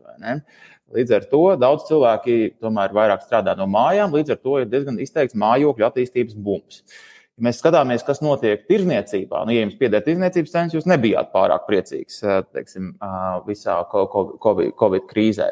Savukārt, Tā kā tirdzniecība Covid ļoti skārs, bet, vien, bet vienlaicīgi teiksim, ir ļoti attīstījusies pieaugums. Bija vien, vien dažos mēnešos pat 55% pret iepriekšējo gadu e-komercija, kurai savukārt ir nepieciešamas nu, piegādes ķēdes, loģistika, noliktavas un tā tālāk. Līdz ar to teiksim, loģistikas segmentā, nu, kas ir smalks nosaukums, noliktavām, tā tad ir, ir, ir, ir, ir izaugsme. Nu, un, protams, ir, kaut, ir atsevišķi segmenti, kur nu, īsti pat laikam būs grūti kaut ko pateikt. Piemēram, viesnīcas, nu, kas laikam ir cietušas visvairāk. Ne tikai no Covid, bet arī no dažādiem teiksim, mūsu arī politiskās vadības komentāriem par turismu nozīmi Latvijas ekonomikā. Tā, kā, tā, kā, nu, tā, tā ietekme tiešām ir nevienāda uz, uz nekustamā īpašuma sektoru. Ieguvēji, mājokļi, industriāli attīstītāji, biroji kaut kur pa vidu, tirniecība diezgan slikti, nu, viesnīcas pavisam slikti. Droši vien, ka ir jāpiezīmē arī, ka mums nevienīgiem tāda situācija ir arī apkārt kaimiņiem, un, un arī plašākā reģionā šādas pašas tendences ir novērojams. Līdz ar to mēs visi esam vienā peļķē, vai ne? Tā to varētu teikt. Uh, Skaidrs, nu, Covid mūs visus ir skāris aptuveni līdzīgi. Jautājums ir, protams, kā katra valsts ir, ir, ir reaģējusi un kā mēs, tā, piemēram, kā mēs šodien runājam. Nu, piemēram, ir situācija tāda, ka, kā saka, Igaunijā un Lietuvā, piemēram, lai ieietu tirdzniecības centrā, nav nepieciešams certifikāts. Latvijā ir nepieciešams certifikāts. Kā saka, akvaparks Pērnavā drīkst darboties, jūrmalā nedrīkst darboties. Uh, Tā kā, nu, eh, tas, tas ir vienkārši jautājums par to, arī, kā katra valsts teiksim, nu, reaģē uz, uz, uz, uz šiem. Uz, un, un, un kaut kādā ziņā man, man šķiet, ka eh, šobrīd ir, ir ļoti būtisks, būtisks eh, laiks, jo, nu, kā saka, katra diena, ko mēs, teiksim, ekonomiku, kā, saka, kā tagad saka, turam ciet nepamatoti, un kaimiņi ir to atvēruši vaļā, kaimiņiem rada konkurētspējas priekšrocības tiem, kam labi iet, lai viņiem labi iet, un lai, kā saka, novēlam noturēt loģistikai pozīcijas un, kā saka, vēl tikai augt un attīstīties. Bet, ja runājam par birojiem, tev, Mārtiņ, ir cerības par to, ka, nu, tā kā biroju tirgus atgriezīsies kaut kādā uh, iepriekšējā stāvoklī, kāds tas bija pirms pandēmijas, tādā pārskatāmā laika periodā. Jo nu, daudzi ir birojos, nu, teiksim, pa, pauduši to, ka viņi pāries uz mazākām telpām, un daudzi ir pateikuši, ka viņi atbalstīs šo hibrīdu darbu turpmāk arī. Mm. Man, kā, man, man vien, vien brīdī šķiet, ka pandēmijas laikā katrs bija kļuvis par ekspertu medicīnas jautājumos. Arī daudz man draugu, no kuriem es nezināju, ka viņiem ir ekspertīze medicīnā, pēkšņi visi brīvi ļoti izteicās par šiem jautājumiem. Saka, līdzīgi man šķiet, ka daudz ir nu, kļuvuši par ekspertiem tajā, ka visi tagad strādās no mājām. Tas, tas, nu, tas ir tāds teiciens, tas zināms visiem, ka tā noteikti būs. Nu, Zinām, ja mēs paskatāmies, ko saka starptautiski konsultanti, kā Colliers vai CBRE vai, vai, vai citi, nu, tur nu, teiksim, pasaulē pa reģioniem. Āzijā viss ir atpakaļ, viss ir vienkārši atpakaļ birojos. Nu, teiksim, Amerikā nedaudz cita situācija. Eiropā, principā, arī Kopenhāgenā viss ir atpakaļ birojos. Tad ir jautājums par to, protams, ka mainās tas, kas, ko, ko, ko nu, saka, nevien, nu, banālais piemērs, ka neviens pirms pandēmijas nezināja, kas ir Zoom. Ne? Uh, nu, es arī nezināju. Uh, tagad, protams, Zoom ir kļuvis par kaut kādu jau sugas vārdu, gan bijis kā kseroks, kādreiz vai tam līdzīgi. Ja? Tā kā, tā kā lūk. Tas, kas, protams, notiek, mainās cilvēku strādāšanas paradumu. Un, un skaidrs, ka nu, tiek runāts par to, ka, ka, ka tas darbam būs tāds hibrīd modelis, ka varbūt kaut kādas vairākas dienas esi birojā, kādas dienas esi mājās un tam līdzīgi. Tas, kas, tas ko, ko konsultants saka, kas ir uh, kas ir nu, ko, ko uzņēmumi atzīst, kas tomēr ir ļoti būtiska. Biroja funkcija ir teiksim, uzņēmuma korporatīvās kultūras uzturēšana. Nu, tev ir grūti uzturēt korporatīvo kultūru pilnīgi attālināti. Un, un nu, vispār visi šie satikšanās vietas, argumenti un tam līdzīgi. Nu, viens skaitlis, kas ir, kas ir no, no arī no starptautiskiem konsultantiem, ir tāds, ka vidēji birojā cilvēka pavadītais laiks samazinās. Tagad ir samazinājies par 24%, savukārt birojam nepieciešamā platība ir samazinājusies par 9% uz vienu cilvēku. Eh, ko nosaka tas, ka birojas tiek nu, teiksim, veidots tomēr tā maksimālajai noslodzēji. Un, un, un tā, tā kā, nu, es domāju, ka eh, tas, kas, protams, ir jāņem vērā, ja tu man jautā, kā tas izstāsta tieši konkrēti Rīgā teiksim, Rīgā šobrīd būvniecības stadijā ir biroja 12,000 cilvēku un plānošanas stadijā 18,000 cilvēku. Nu, faktiski viss tas, kas not, bija, bija Viļņā, bija tas biroja būvniecības Viļņā, katrs, kas ir bijis konstitūcijas avēnijā Viļņā, zina to teiksim, faktiski izsā, modernu ēku izstādi, ko tur ir iespējams apskatīties. Viņi principā pārcēlus uz Rīgu. Tagad ir Rīgā visi lielie projekti, sākot ar Lords LB, Verdi, visiem Galio projektiem, tā jaunajā teikā un, un, un, un Linsto projektiem, daudz, daudz, vēl daudziem citiem. Tā kā, tā kā, nu, tas, kas ir īpašā Rīgas situācija, ka mēs sākām ar to, ka, ka teiksim, Viļņā bija uh, uz vienu, vienu uzņēmumu tieši divreiz lielāka mūsdienīga biroja platība nekā Rīgā. Līdz ar to nu, mēs kaut kādā ziņā tie vilcieni, kuros mums ir jāielec, ir dažādi. Tā kā, tā kā Rīgas situācija biroja tirgo ļoti specifiska. Bet tu gribētu teikt, ka tādus tuvākos, turpmākos gadus sameklēt labas A klases biroja telpas uzņēmējiem nebūs īpaši problēma. Vai tomēr? Nu, kā, pat šobrīd ir zināmas problēmas to atrast, neskatoties uz to, ka jau tiek nu, nu, nodot eksploatācijā pirmie biroja projekti, kas faktiski ir pilnībā iznomāti. Ne? Neskat, kā, saka, kā mēs šobrīd runājam, teiksim, biroji tiek, tiek iznomāti, neskatoties uz, uz pareģojumiem par to, ka visi strādās no mājām. Tā kā tā, tā, ar tiem birojiem, kas Rīgā šobrīd tiek būvēti un to iznomāšanu, klājas labi. Lūk, tā kā nu, kopumā tur valda drīzāk, drīzāk tāds, tāds optimistisks, optimistisks noskaņojums. Jā. Nu, Ar ko tu to skaidro? Tas ir nu, kā, nezinu, politikas maiņa pilsētā, vai, vai kā? Jo es atceros, ka pirms pāris gadiem tā situācija nebija tik, tik, tik priecīga. Tad, kā saka, teica, teica, ka mēs esam tur nopakaļ viļņai, nu, kā, kā tu pats arī minēji. Jā. -hmm. Tā tālāk. Nu, šis ir miljonu dolāru jautājums. Nu, es, protams, ja, ja es būtu, saka, gribētu nodarboties ar spalvu spodrināšanu, es teiktu, ka arī mūsu aliansē ir zināms, zinām nopelni pie tā, ka Rīgā teritorijas plānošanas un būvniecības process ir uzlabojies. Bet, nu, tā realistiski skatoties, mēs redzam, ka tie tie attīstītāji, piemēram, no Vīļņas, lielie attīstītāji, kā Lords LB, Galio un, un, un, un, un citi, eh, kas Viļņā faktiski ir uzbūvējuši šos biroju projektus, viņus tos iznomājuši, pārdevuši jau investīciju fondiem ar pensiju kapitālu. Viņiem ir, tagad, viņiem ir līdzekļi, ar ko tālāk riskēt, nu, ko, ko parasti dara attīstītājs, attīstītājs riskē. Eh, tātad viņi vienkārši pārcēlušies uz Rīgu, redzot, ka Rīgā ir acīm redzams biroju iztrūkums, skatoties no jebkuras, teiksim, nu, no jebkuras statistikas viedokļa. Tā kā, tā, kā, nu, tas, tā, tā, tā, tā ir kaut kāda šādu faktoru, šādu faktoru sakritība. Protams, ka to tā nevar īsti prognozēt, kas notiks ar viesnīcām un, un, un turismu un, un vispārējo.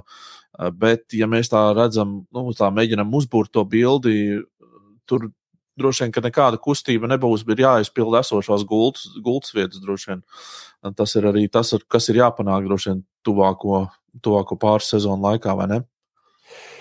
Nu, jā, nu, ja, mēs, ja mēs skatāmies, piemēram, tādā salīdzinošā perspektīvā, manuprāt, Stokholmā ir kādi 30,000 viesnīcu. Es varu kļūdīties, bet aptuveni 30,000 viesnīcu numuru. Rīgā vēl pirms kaut kādiem gadiem bija kaut kādi 8,000, manuprāt, tagad ir kādi 11,000. Tā kā nu, Rīga kopumā, es domāju, kā, kā turismu galamērķis, nu, kas tomēr iet ļoti kopā ar lidostu un, un arī kaut kādu šeit, teiksim, pakalpojumu ekonomikas attīstību Rīgā. Uh, ir, ir, ir liekas, ļoti, ļoti spēcīga, spēcīgāka nekā, nekā, nekā Viļņa vai Tallinn. Tā kā, uh, tā kā, nu, uh, Nu, es varu vienkārši anekdotiski pastāstīt. Es, es nu, nu, nu pat biju Stokholmā, braucu, braucu taksometrā, Boltā, starp citu, Bolts tagad pieejams Stokholmā. Un, un runāja taksometru vadītājiem, viņš teica, ka viņš taisa vasarā, viņš gribētu pirmoreiz atbraukt uz Rīgu, prasīja kā tie viesnīcām un tam līdzīgi. Un to var daudz kur dzirdēt arī ārstos. Cilvēki Rīga kaut kā ir nonākusi uz tādas kartes. Un es jau domāju, ka tomēr pēc šī Covid būs kaut kāds turisma, zināms, bums. Cilvēki gribēs atkal ceļot. Nu, un, un tā, tā kā, nu, tā kā man liekas, ļoti, ļoti svarīgi ir, ne, saka, svarīgi ir, lai tās viesnīcas turpina funkcionēt kā viesnīcas.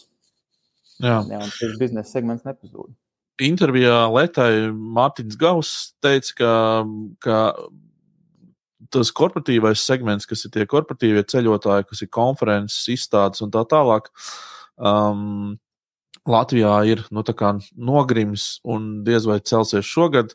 Varbūt nākamgad, varbūt pat aiznākamgad. Uh, kāds ir tās tavs prognozes, konferenču mm. centri, semināri, lielie starptautiskie fórumi? Nu, jāteic, pirms pandēmijas personīgi bija ļoti, ļoti optimistisks par konferenču turismu iespējām Rīgā. Jo es domāju, ka nu, Rīga atbilst daudziem. Mēs zinām, ka nu, Prāga ir bijusi tāds liels konferenču mērķis. Prāgā arī ir liels, liels starptautisks konferenču centrs Rīgā. Nu, faktiski tāda liela starptautiska konferenču centra. Uh, nu, no ATA centrs tagad ir tuvākais tam, bet nu, arī īsti droši vien tas neatbilst tam, kas, kas, kas būtu tāds kā Waterfront, uh, Waterfrontas centrs uh, Stokholmā vai, vai, vai, vai teiksim, Bēlas centrs Kopenhāgenā. Bet, nu, uh, labi, bet, nu, labi, pieņemsim, ka infrastruktūra mums kaut kāda daļēji ir. Teiksim, Redisona, Latvijas viesnīca ir, ir tāda vieta, kur var konferences labi notikt. Nu tā, nu, tas droši vien ir pilnībā atkarīgs no tā, kas notiks ar šo segmentu vispār. Eh, nu, tas sajū, sajūta līmenī man šķiet, ka, eh, ka nu, diez vai tagad. Teiksim, nezinu, 3000, 4000 cilvēku ārstu konferences, kas bija šī konferenču biznesa, nu, tāda liela, liela, liels segments, ka tas tagad nu, gluži atgriezīsies tūlīt. Un, un, un tā nu, ir sajūta, ka tas kaut kā notiks. Ka tur ka, droši, vien, droši vien tur būs kaut kādas izmaiņas, un, un varbūt konferenču biznesa būs savādāk. Bet nu, es neesmu speciālists tajā, tajā jā, jomā, bet, nu, tur, bet tur, kas kas, kas gan, es domāju, kur Gauss kungam ir, ir, ir taisnība, ir, ka nu, liela daļa jau, piemēram, Air Baltica pasažieru ir tādi, kas vienkārši, nu, kā saka, e, lidostā uzturās tranzītā. Un ir jautājums, jautājums tāds, kā mēs tos cilvēkus, kas nonāk Rīgas lidostā, panākam, ka viņi atbrauks arī uz Rīgas centru vai izbrauc varbūt pat ārpus Rīgas centra. Un, un, nu, un, un tas, ir, nu, saka, tas nav Gausa kunga uzdevums. tas ir neiksim, Rīgas uzdevums, citu viesnīcu biznesa, turismu biznesa un tā tālāk uzdevums. Jā. Jā, es par tām konferencēm domājot, nu, tur tā varētu piekrist, ka tas droši vien kaut kādā ziņā mainīsies. Un, un gan jau, ka gan jau ka neatgriezīsies tajā, tajā pašā līmenī. Nu, bet tā kā no otras puses, mēs varam teikt, ka mums tā kā paveicās, ka mums tomēr nebija tā infrastruktūra, nav to zaudējumu. nu, labi, nu, es kā, kaut kā šādu, man liekas, šādu loģiku dzīvē vispār varbūt nevajag. Viņā, bet... nevajag piekopt. Jā, jau mēs arī nonāksim līdz tam, ka varbūt nu, nevajadzēja nodibināt neatkarību, jo tad mums nebūtu jācīnās ar Covid pašiem. Līdzīgi, nu, tā, tā tālu var aizrunāties šādā jā. loģikā. Ļoti labi, labi piezīme. Vai tu, jā, vai tu saredzi šobrīd kaut kādus uh, riskus, tumšas lietas, mākoņus kaut kur pie apgājuma, kaut kur, um, ar ko, piemēram, šobrīd Alianse uh, nodarbojas, kas ir jūsu dienas kārtībā šobrīd? Es domāju, ka ir, ir tāda ir, ir situācija, ka mums noteikti nav nekustamā īpašuma uh, cenu burbuļa.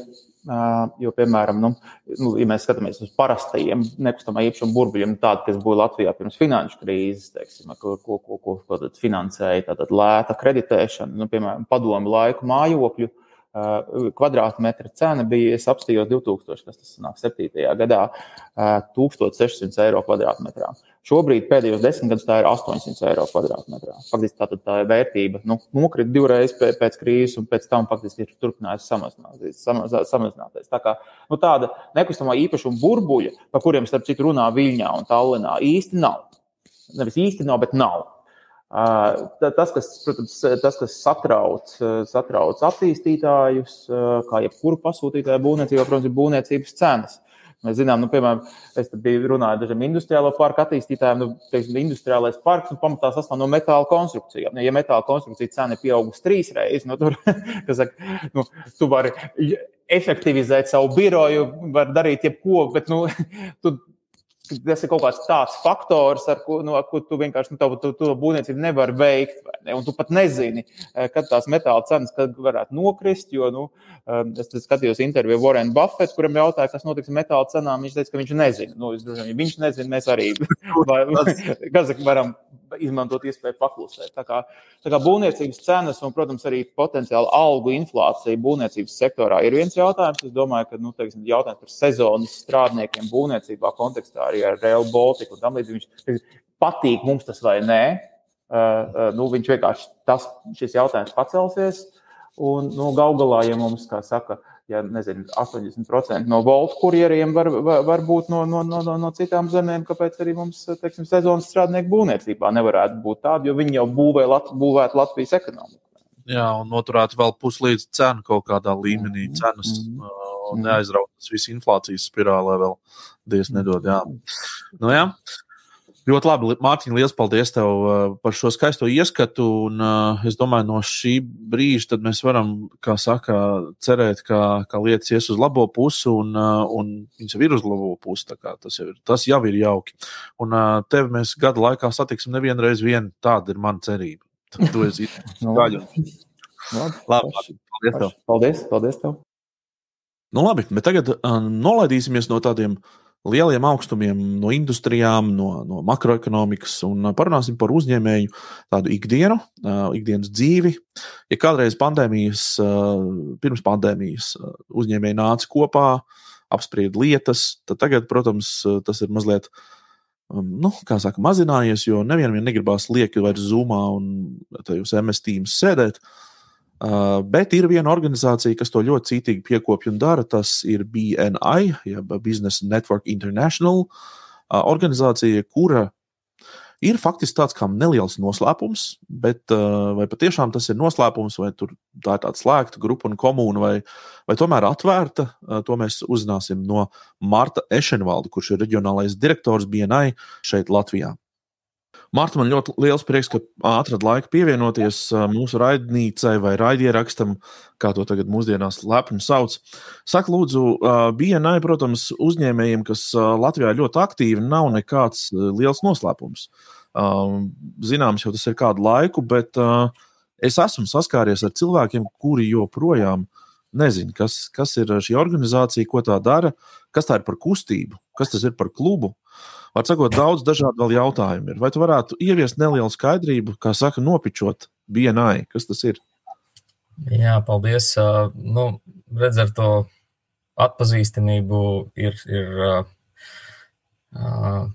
nosacīta tā, ka visā pasaulē, kur, kur ir jau 300 tūkstoši biedri bienai un, un, un daudzās valstīs, un jau cik gadus, jā, daudzus desmitus, tad joprojām varētu teikt, ka bienai ir vislabāk glabātais biznesa noslēpums. Jā.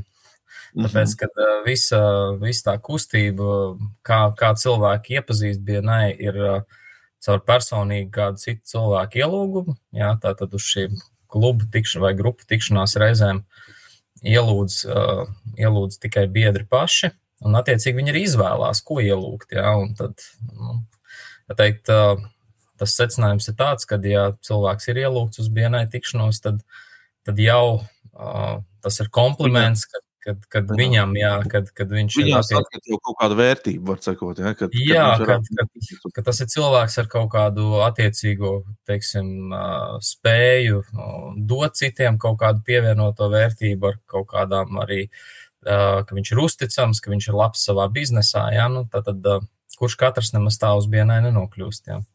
Jā. Un, Tad man ir jāsasniedz kaut kāda kritērija, faktiski, lai, lai biedri mani pieņemtu. Droši vien ne tikai tas, kurš mani uzaicināja, bet lai tāds plašāks jā. biedru sastāvs pieņemtu. O jā, par katru jauno biedru visa grupa balso, balstoties uz pieejamo informāciju un, un tam līdzīgi. Jā, un, ņemot vērā to, ka tā atlase jau sākas ar, ar to, ka uzaicinu tikai tos, kurus es uzskatu par atbilstošiem, tad, tad, tad tas jau atrisina lielu daļu kaut kādus jautājumus, bet arī, arī šis nav pēdējais filtrs, un grupas visu biedru balsojums ir, ir nākamais. Parētam gadās, ka kāds arī šo filtru neiziet cauri. Ja? Tā, kā, tā kā tā tas ir. Un, un, un, un, un atbildot līdz galam par to aptveri, ja? es teiktu, ka Latvijā droši vien kādi nu, varbūt 10% uzņēmēji zina par BNI. Varbūt pat tas ir pilēti. Mm. Tas, kas man ļoti fascinēja, bija tas, kādā tempā notiek sarunas. Cik ātri es varu un spēju iepazīt ļoti lielu daudzumu um, cilvēku un to, ar ko viņi nodarbojas. Man, lik, man tas likās ļoti fascinējoši. Tas ir kāds īpašs tāds paņēmiens, instruments, vai, vai, vai kā, kāpēc tās lietas tik ātri notiek un, un, un tā? Tas ir kāds, tam ir kāds pamats. Jā, nu pamats noteikti ir tas, ka diena ir instruments aizņemtiem cilvēkiem, jā, un aizņemtiem cilvēkiem, kā mēs zinām, kas nav, nav laika. Jā. un, un visam jānotiek ātri. Nu, vispār mūsdienu biznesa pasaulē droši vien visam jānotiek ātri, jā, un, un, un tāpēc tā prasme pastāstīt par sevi jēgpilni, saprotami un arī vēl pat interesanti tajās 30 sauksim, sekundēs. Jā, tā, ir, tā ir viena no lietām, ko cilvēki šeit iemācās un ko viņi vēlāk arī ļoti novērtē. Nu, vismaz spriežot pēc tās atgriezniskās saites, kas nāk no pašiem mūsu oh, jā. biedriem un arī oh, bijušajiem biedriem, jā, kad, kad, kad šīs teiksim, prezentācija prasmes ir pavisam citā līmenī, uzstāšanās prasmes vai drosme uzstāties, pilna gatavība runāt jebkurā situācijā, brīdī. Un, un, un, un cil, nepazīstam cilvēku klātbūtnē, jā, ir pavisam citā līmenī. Un, jā, tās, tās, ir, tās ir lietas, kas tiek iegūtas šeit. Jā, Marta, kā tu pats pievērsies BNI? Es saprotu, Latvijā tu vadi šo kustību, vai esi viens no tās vadītājiem, bet kā tu pats nokļuvi šeit? Jā, viens no reģionālajiem direktoriem. Nu, tas stāsts gandrīz pat komiski sākās, jo uh, mani, mani, man, tā nu sagadījās, ka mani aicināja uz pašu, pašu, pašu, pašu pirmo vispār BNI tādu kā iepazīšanās, tikšanos Latvijā. Aicināja pazīstams cilvēks, Aiga Veckalna, ar kuru es biju pazīstams caur, caur, caur sadarbošanos biznesā. Tolaik strādāju apdrošināšanā un sniedzu pakalpojumus viņas uzņēmumam. Un, nu, teikšu godīgi, pēc tā, kas man tika atsūtīts, jā, tur tāds e-pastiņš ar kaut kādu tekstu, kas tas ir un ko tas dara. Nu, man tas pirmais iespējas bija tāds, ka, ka nu, nezinu, šī ir kaut kāda schēma un viss ir slikti. Un, un faktiski es aizgāju uz to tikšanos ar tādu ļoti skaidru apņēmību. At, atmaskot šo, šo, šo kaut kādu krāpniecisku schēmu. un, un, un, un, un tā teikt, vēl censties uh, vest pie prāta aigu un izglābt viņas reputāciju, lai viņi neiekuļās kaut kādās nepatikšanās. Jā, nu, nu, jā, nu, es tā godīgi stāstu, kā tas bija. Jā, un, uh, Un, protams, atnākot uz turieni un klausoties to, kas tiek stāstīts, un, un saprotot jau procesā, kas tas ir, pēc 20 minūtēm es jau biju mainījis radikāli savas domas, jau biju pie, pieteicies būt par biedru. Padevies. Un bija viens no pirmajiem, kas apmaksāja vienai dalības rēķinu Latvijā. Nu, tā, tā, tāds tas stāsts īsumā. Jā, bet... jā. Nav noslēpums arī, ka uzņēmēji dalās vairākās grupās. Vai tam ir, kāds, vai tam ir kāda īpaša nu, nozīme, kurā grupā es esmu? Es varu tikt jebkurā grupā, ja bez tā, tā nemaz tā nevar tikt dažās grupās tik viegli. Jā, nu tā dalīšanās grupās ir saistīta ar vienu no BNI tādiem pamatprincipiem, ka viss notiek bez konkurentu klātbūtnes. Ja. Un, un faktiski katrā grupā no, no attiecīgās kaut kādas nozares, biznesa nišas ir viens pārstāvis, visbiežāk viens. Ja. Un, un tas ļauj informācijai savstarpēji starp biedriem brīvi plūst, jo nu, mēs tur stāstām par saviem plāniem, par to, kur mēs gribam attīstīties, kas ir mūsu labākie klienti jau tagad, kas ir mūsu meklētie nākamie klienti. Ja, un, Protams, ka tā viss ir informācija, kur neviens negribētu stāstīt konkurentiem dzirdot. Jā. No nu jā, un, jā. Un, un, un tas arī ir tas viens no pamat kritērijiem, kāpēc ir, kāpēc ir vairākas grupas, kāpēc ir daudzas grupas un kā top jaunas grupas. Jā, jaunas grupas faktiski top tad, kad tās nozares, kuras ir vis, vis tādas, nu, teiksim, tirgu izplatītākās, konkurējošākās, kad uh, tās ir parasti aizņemtas visās grupās, jā, jau, un, un tad atnāk vēl kāds, kurš ir dzirdējis vai uzzinājis un saka, bet, bet kā tad ar mani, kur tad es, jā, un tad jā. Viens, divi, trīs, četri, pieci tādi cilvēki, un mēs sakam, ok, nu, taisam jaunu grupu, zin kā, tad ķeramies klāt un jā. būs arī priekš jums, jā. Un, nu. Tas ir par tīklošanos Latvijā, bet kā ir ar tīklošanos teiksim, ar ārvalstu uzņēmējiem, vai BNI praktizē arī kaut kādas starp uh, robežu uh, grupu sarunas, kaut ko tam līdzīgu pasākumus? Nu, jāsaka tā, ka tas vienmēr ir bijis uh, it, it kā pašsaprotami, it kā pieejams, jā, uh, un arī, arī pirms, teiksim, pandēmijas bija cilvēki, kas uh, nu, centās diezgan aktīvi kaut kur pabraukāt uz citām valstīm, paviesoties citās grupās, jā, bet, eh, bet nu, šis laiks ar, ar visu tiešsaistes, eh,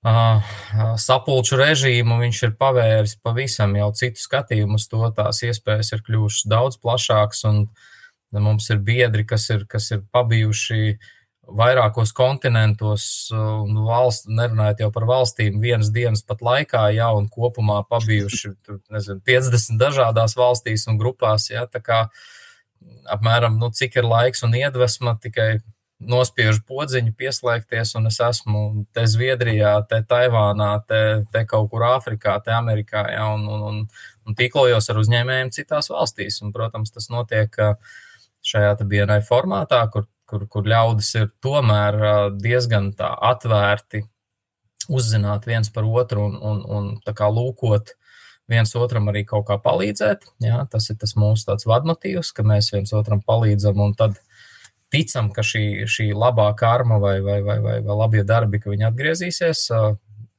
Visticamāk, un iespējams no pilnīgi citas puses, pēc tam kaut kad vēlāk, jā, un, un, un tas ir tas, kas liek tai sistēmai griezties. Jā. Ja es esmu uzņēmējs, kurš tā, nu, vismaz tā konkrēti nezina, nevienu savā lokā, kurš ir BNI dalībnieks vai biedrs, bet man, man šī interese ir. Ko man tomēr darīt? Vai ir kaut kādas opcijas, kā es varu tomēr pieklauvēt pie jūsu durvīm? Nu, ir, ir, jā, ir arī tādas iespējas, ja ir BNI Latvija Facebook lapa, kurā ik pa, ik pa laiciņam kāds uzraksta, kad man interesē, un es esmu pamanījis, ko, ko jūs darat kaut kur, nezinu, sociālos tīklos vai vēl kaut kur. Jo katrai grupai ir arī sava Facebook lapa, kur viņi, nu, tā kā translē to, ko viņi uzskata par vajadzīgu. Tad ir viena Latvija kopējā Facebook lapa, un, protams, ir mājas lapa. Un, un, un, Jā. Dibinātājiem ir Instagram, nu, kas tik nav šodien, jā, LinkedIn un, jā, un, un protams, tā, tā, tā, tā, tā, tā, tā, tas, tas, tas vārdu salikums eh, ir, ir jā. pieminēts, un nav jau tā, ka viņš tiek kaut kur ļoti, ļoti speciāli slēpts. Jā. Nu, mēs jā. varbūt retāk esam presē, ja tikai tad, ja presa tur pie mums atnāk un kaut ko grib uzrakstīt, mēs paši tur tā neraujamies, varbūt tur uz tādu speciālu publicitāti, jo, jo gala beigās ne ir tas word of mouth vai, vai, vai, vai jā, jā. Teikt, personīgā jā. ieteikuma sistēma. Nu, lūk, bet jā, tie, kas, tie, kas to atrod vai, vai, vai, vai saprot, ka viņi gribētu, nu, var pieteikties arī šādi, ja, caur, caur to pašu Facebook lapu vai, vai, vai kāds piezvan pa telefonu. Tad jau, protams, ka tā uzaicināšana viesos notiek. Nu, vienīgais tad tā, teiksim, tā biedru balsojuma laikā tā, tā uzmanība, kas ir šis cilvēks, no kurienes viņš uzradies, jā, ko mēs par viņu vispār zinām vai varam uzzināt, nu, tā, tā tiek rūpīgāk vērtēta tajā brīdī, jo nav šis personīgais, um, teiksim tā, galvotājs, vai mēs viņu varētu saukt. Jā. Jā, jā. Jārēķinās ar to, ir, ka būs pastiprinātāka uzmanība.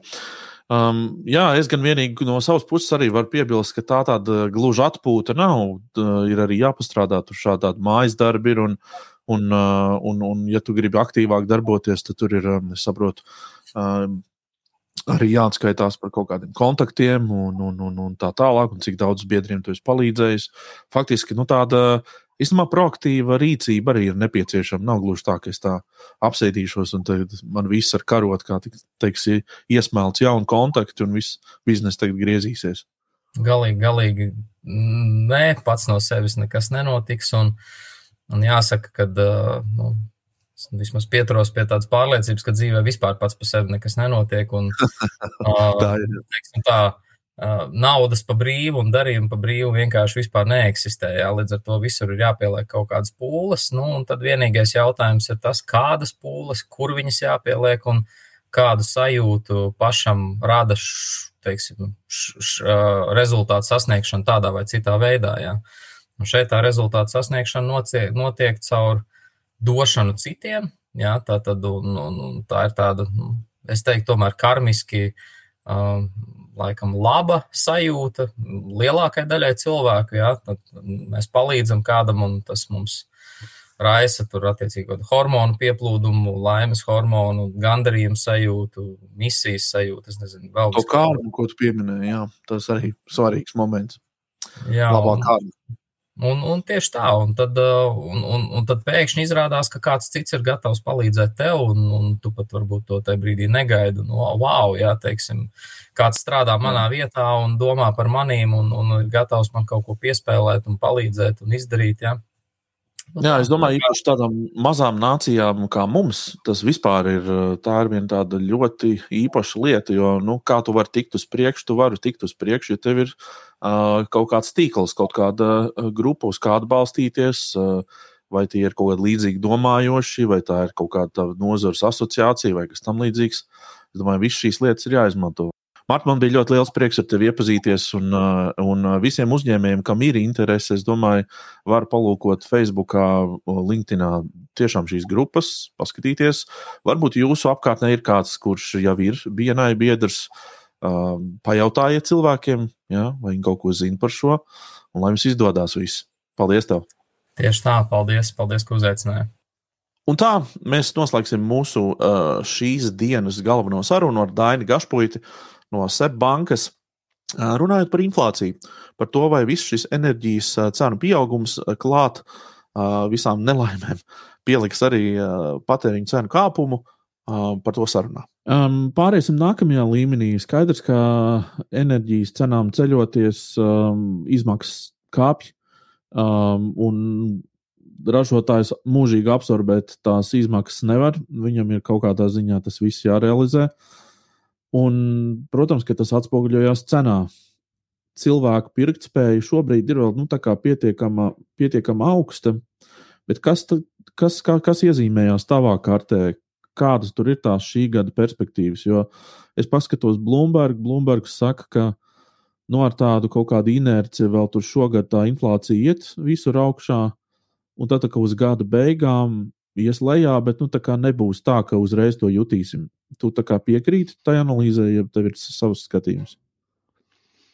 Nu, es teiktu, ka šeit divas lietas būtu svarīgi sekot līdzi, kas būs uh, lielā mērā izrietošas arī inflācijai. Pirmais ir, kā veiksies ar pandēmiju. Ja, cik veiksmīgi šī saslimstība, šis vīrus atrisināsies. Ja tas risinās šobrīd tā, kā mēs ceram, vajadzētu, ka viņš ir mazāk kaitīgs un mēs varam atbrīvot uh, ekonomiku un iedzīvotājus no daudziem ierobežojumiem, tas zināmā mērā ko izdarīs. Tas izdarīs to, ka uh, šis pastiprinātais pieprasījums, ko mēs redzējām uz, uz precēm, pārvirzīsies uz pakalpojumiem un attiecīgi arī mazinās spiedienu uz cenām, ja? attiecīgi iedodot arī pakalpojumiem, nu, teiksim, aktivitāti. Ļaus arī iekustēties brīvāk šīm piegādes ķēdēm, mazinās nu, tādus sastrēgumus. Tas diezgan būtiski var šo visu stabilizēt. Ja? Nu, un, attiecīgi, uh, Šobrīd jau mēs redzam tādas varbūt nepārliecinošas, bet tomēr pazīmes, ka tas nu, varētu turpināties. Ja, ir jau pirmās pozitīvās pazīmes.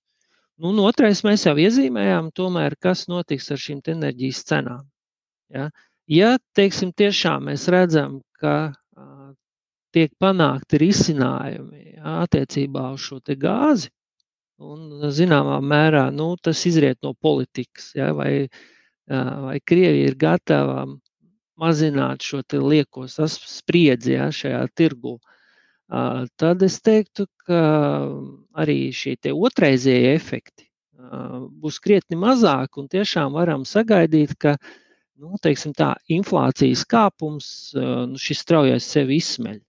Nu, šeit mēs varam runāt, cik noturīgs un cik augsts tas vilnis var aiziet, ja, bet tomēr es sagaidītu, ka uz otro gadu tomēr viņš varētu sākt iet uz leju. Ja? Uh, jo arī nu, pagaidām, kas vēl nu, tādu zināmā mērā arī tādu um, stresu mazina, arī no skatoties Eiropas centrālās bankas puses, uh, nu, tie uz tādu priekšu ejošie darba līgumi. Skandināvijā, Vācijā viņi jau šo, šobrīd neieceno uh, nekādu būtisku algu pieaugumu. Ja? Mm. Līdz ar to viņi šobrīd vēl nu, negrie, neparādās šī otrreizējā spirāle, ja, kad uh, reaģējot uz paaugstināto inflāciju, sāk audzēt algas, un tad aiziet visi, teiksim, visas preces cenu attiecīgi ar, ar gaidām, ka nu, būs inflācija, un attiecīgi mēs ceļam. Ja. Protams, ka visticamāk to, to, to tādu to bildi skaidrāk mēs varētu sākt jau novērtēt kaut kad maijā. Ja? Vai tiešām šis, šī tendence ir noturīga, cik noturīga un tālāk, tālāk šo virzību. Ja? Bet tomēr nu, tādā mūsu grupā starp teiksim, tādiem daudzpusīgiem viedokļiem, tomēr ir tas skatījums, ka nu, pagaidām vēl nevaram teikt, ka viņa būtu tādā nu, dziļi, teiksim, stingri noturīgi ļoti augsta inflācija. Lai gan šīs mm. enerģijas cenas uztur tādu diezgan nu, tādu nepatīkamu efektu. Bet vēl pagaidām Daini prom nelaidīsim, kamēr viņš nav apkopojis piecas svarīgākās uh, biznesa ziņas, uh, ziņu tēmas, ja makroekonomikas tēmas uh, šajā nedēļā un pagājušajā nedēļā. Uh, un par to arī turpmāk Dainis ziņos katra uh, mediānas reizi. Es ceru, ka šī tradīcija labi iesakņosies un saglabāsies. Vārds Dainim.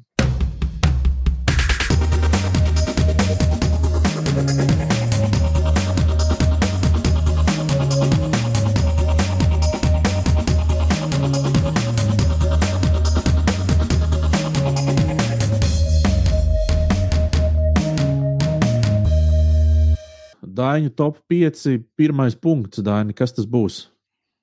Nu, pagājušā ceturtdienā mēs piedzīvājām diezgan lielu kritumu Nasdaq. Jā, tas kritās par 3,7%, un SP 500 samazinājās par 2,4%.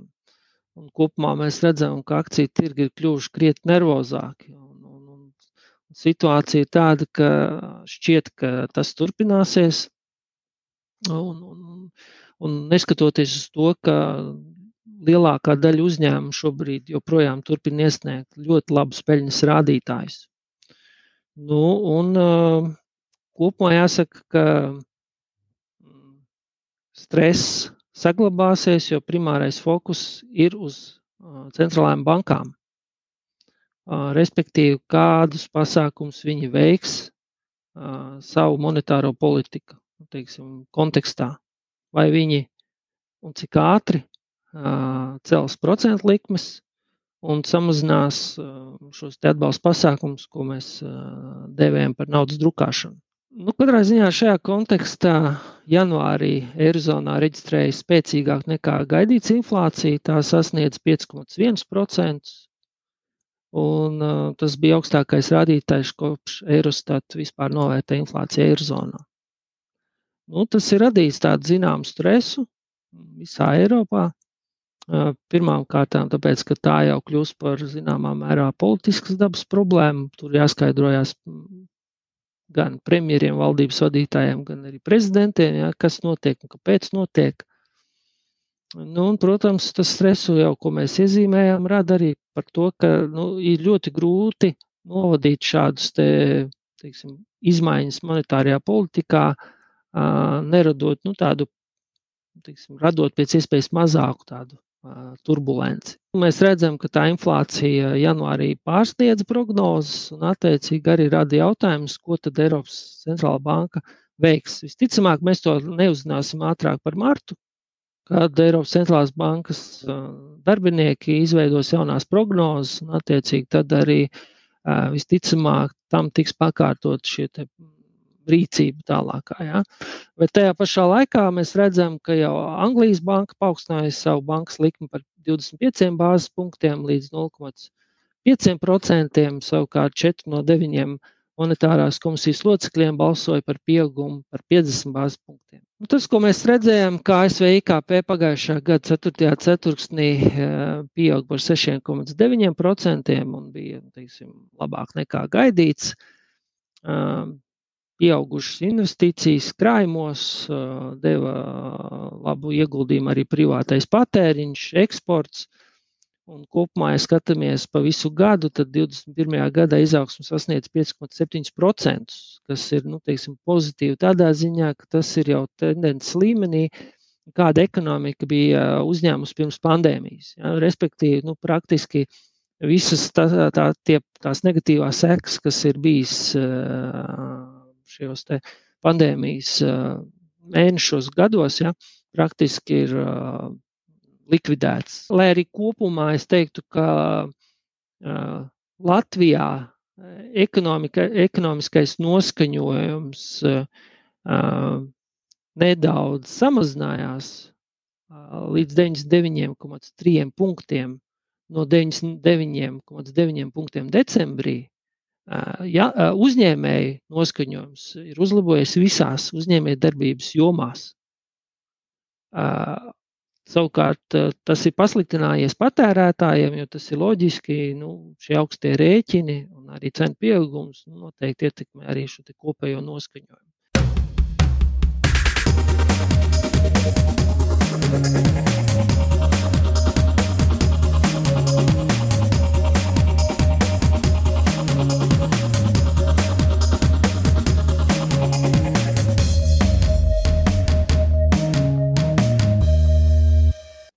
Un nu, ilgi gaidītā un ilgi solītā intervija ar Air Baltica valdes priekšsēdētāju Mārtiņu Gausu.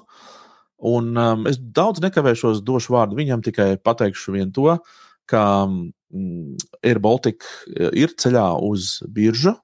Tas notiks. Uh, kad notiks, to pagaidām neviens nesaka. Uh, ir dažādi plāni, bet par visu vairāk Mārtiņš Gauss. Uh, hello and welcome to our podcast. Uh, I'm very happy that uh, you have joined us uh, in our very, very first podcast. So uh, that's an honor. Yeah, I'm, I'm happy and honored to be there uh, doing the first podcast with you. That's very that's very great to hear. there was this Latvian Capital Market Forum this week where companies were um, encouraged to come to and join the local stock market. Uh, on the other hand, we uh, we saw Ryanair exiting London Stock Exchange a month ago. Um, so there are like different different options and different scenarios as we can see. Um, what is the current status of uh, Air Baltic's uh, potential IPO at this moment? Before the pandemic, we uh, prepared to go in the future to the stock exchange. Uh, that was a plan we had for the future the pandemic came and we needed um, COVID uh, state support, which was approved by the EU. And um, with that, there was a need to repay that money, um, and that the repayment uh, option uh, for the Latvian state because they have to get that money back is um, taking the airline now to the stock exchange, which means the plan from before the COVID time uh, will be executed now, which means we are waiting to be back into uh, positive territory. Um, that means the pandemic needs to be over and, and we need to be back in profit. Uh, and then we will take the airline to the stock exchange um, listed there, and the Latvian state, by selling their shares, will then uh, get the money back which they have given us uh, to bridge the time in the in the in the pandemic. So we will be going. Uh, the preparation will start uh, one year before we actually want to go to the stock exchange, and we will do a dual listing uh, that will be at the local Riga Nasdaq, but uh, also at one of the international places because of the liquidity, as it is expected to be the largest IPO uh, in the Baltic states if nothing else happens before we go there. Uh, so we are waiting this uh, very impatiently. So to be uh, co- co-owners of a of a local airline, national airline. So that that that that would be a very big uh, big thing. Um, I, think it, I, think it, will be big because uh, since 2015, when Air went to the stock exchange, no airline in Europe has um, tried to go to the stock exchange. So not only for Latvia and Baltic, it's a big thing. I think for the airline industry because nobody did an IPO since 2015, and uh, therefore, yeah, there will be a lot of interest internationally on us taking the airline to the stock exchange. Yeah, well, that will be a big news. Um, I'm always a little bit frustrated to people who can't see uh, how big is Air Baltic's indirect input to Latvia's GDP, because all they uh, talk about is dividends to shareholders, and that's it, basically, and also maybe uh, paid taxes.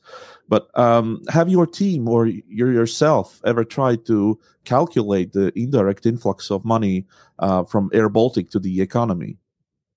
Uh, not not we have done this because we would not have all the tools, but it is done in uh, from very different uh, audience. So there is an IATA document, which is a formal one, talking about the impact. Uh, there's um, Oxford um, economics uh, study, which the government has asked for a couple of years ago, and then of course. Um, uh, the state itself can do these calculations. I think there's some documents, even from the Bank of Latvia, on, on that. So the the impact um, of Air Baltic is significant, very significant. The, the studies reach from um, two percent to above three percent, depending on the year of the of the GDP. And I would say we would be at the higher end, maybe not now during the pandemic, but definitely getting out of the pandemic. And the reason for this is not only that we fly airplanes, we have a assets of 1.4 billion on our balance sheet uh, because one of the airplanes uh, already is super expensive. And with that, we are also an export brand and we are the largest by far. But then, if we don't look only at passengers traveling and buying a ticket, and with that, of course, the economy stimulating, 75% of the money Air Baltic earns is actually generated outside Latvia because only 25% of the money we earn is coming from Latvia but all the impact of Air Baltic uh, ends up in Latvian GDP because we are a Latvian company, uh, and the majority of the money we spend, we spend, of course, here, and our employees are all employed in Latvia. It's going to be 2,000 by the end of this year. But not only our employees have an impact to the GDP of Latvia, also around 30,000 people have a job because of Air Baltic's business. So it's it's a very very big and influential company if it's about the economy. Uh, but the precise calculation have to be done by people outside, and I'm sure over the years we will see uh, studies about that. Also, going for the IPO, we will see uh, uh, numbers there, which should always be between two and, and three and a half percent. I would say that's a fair calculation.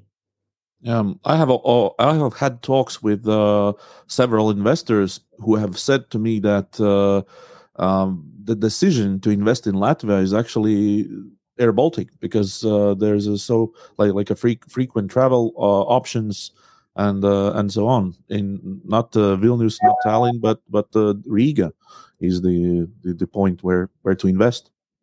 So it, that's also a, a, case.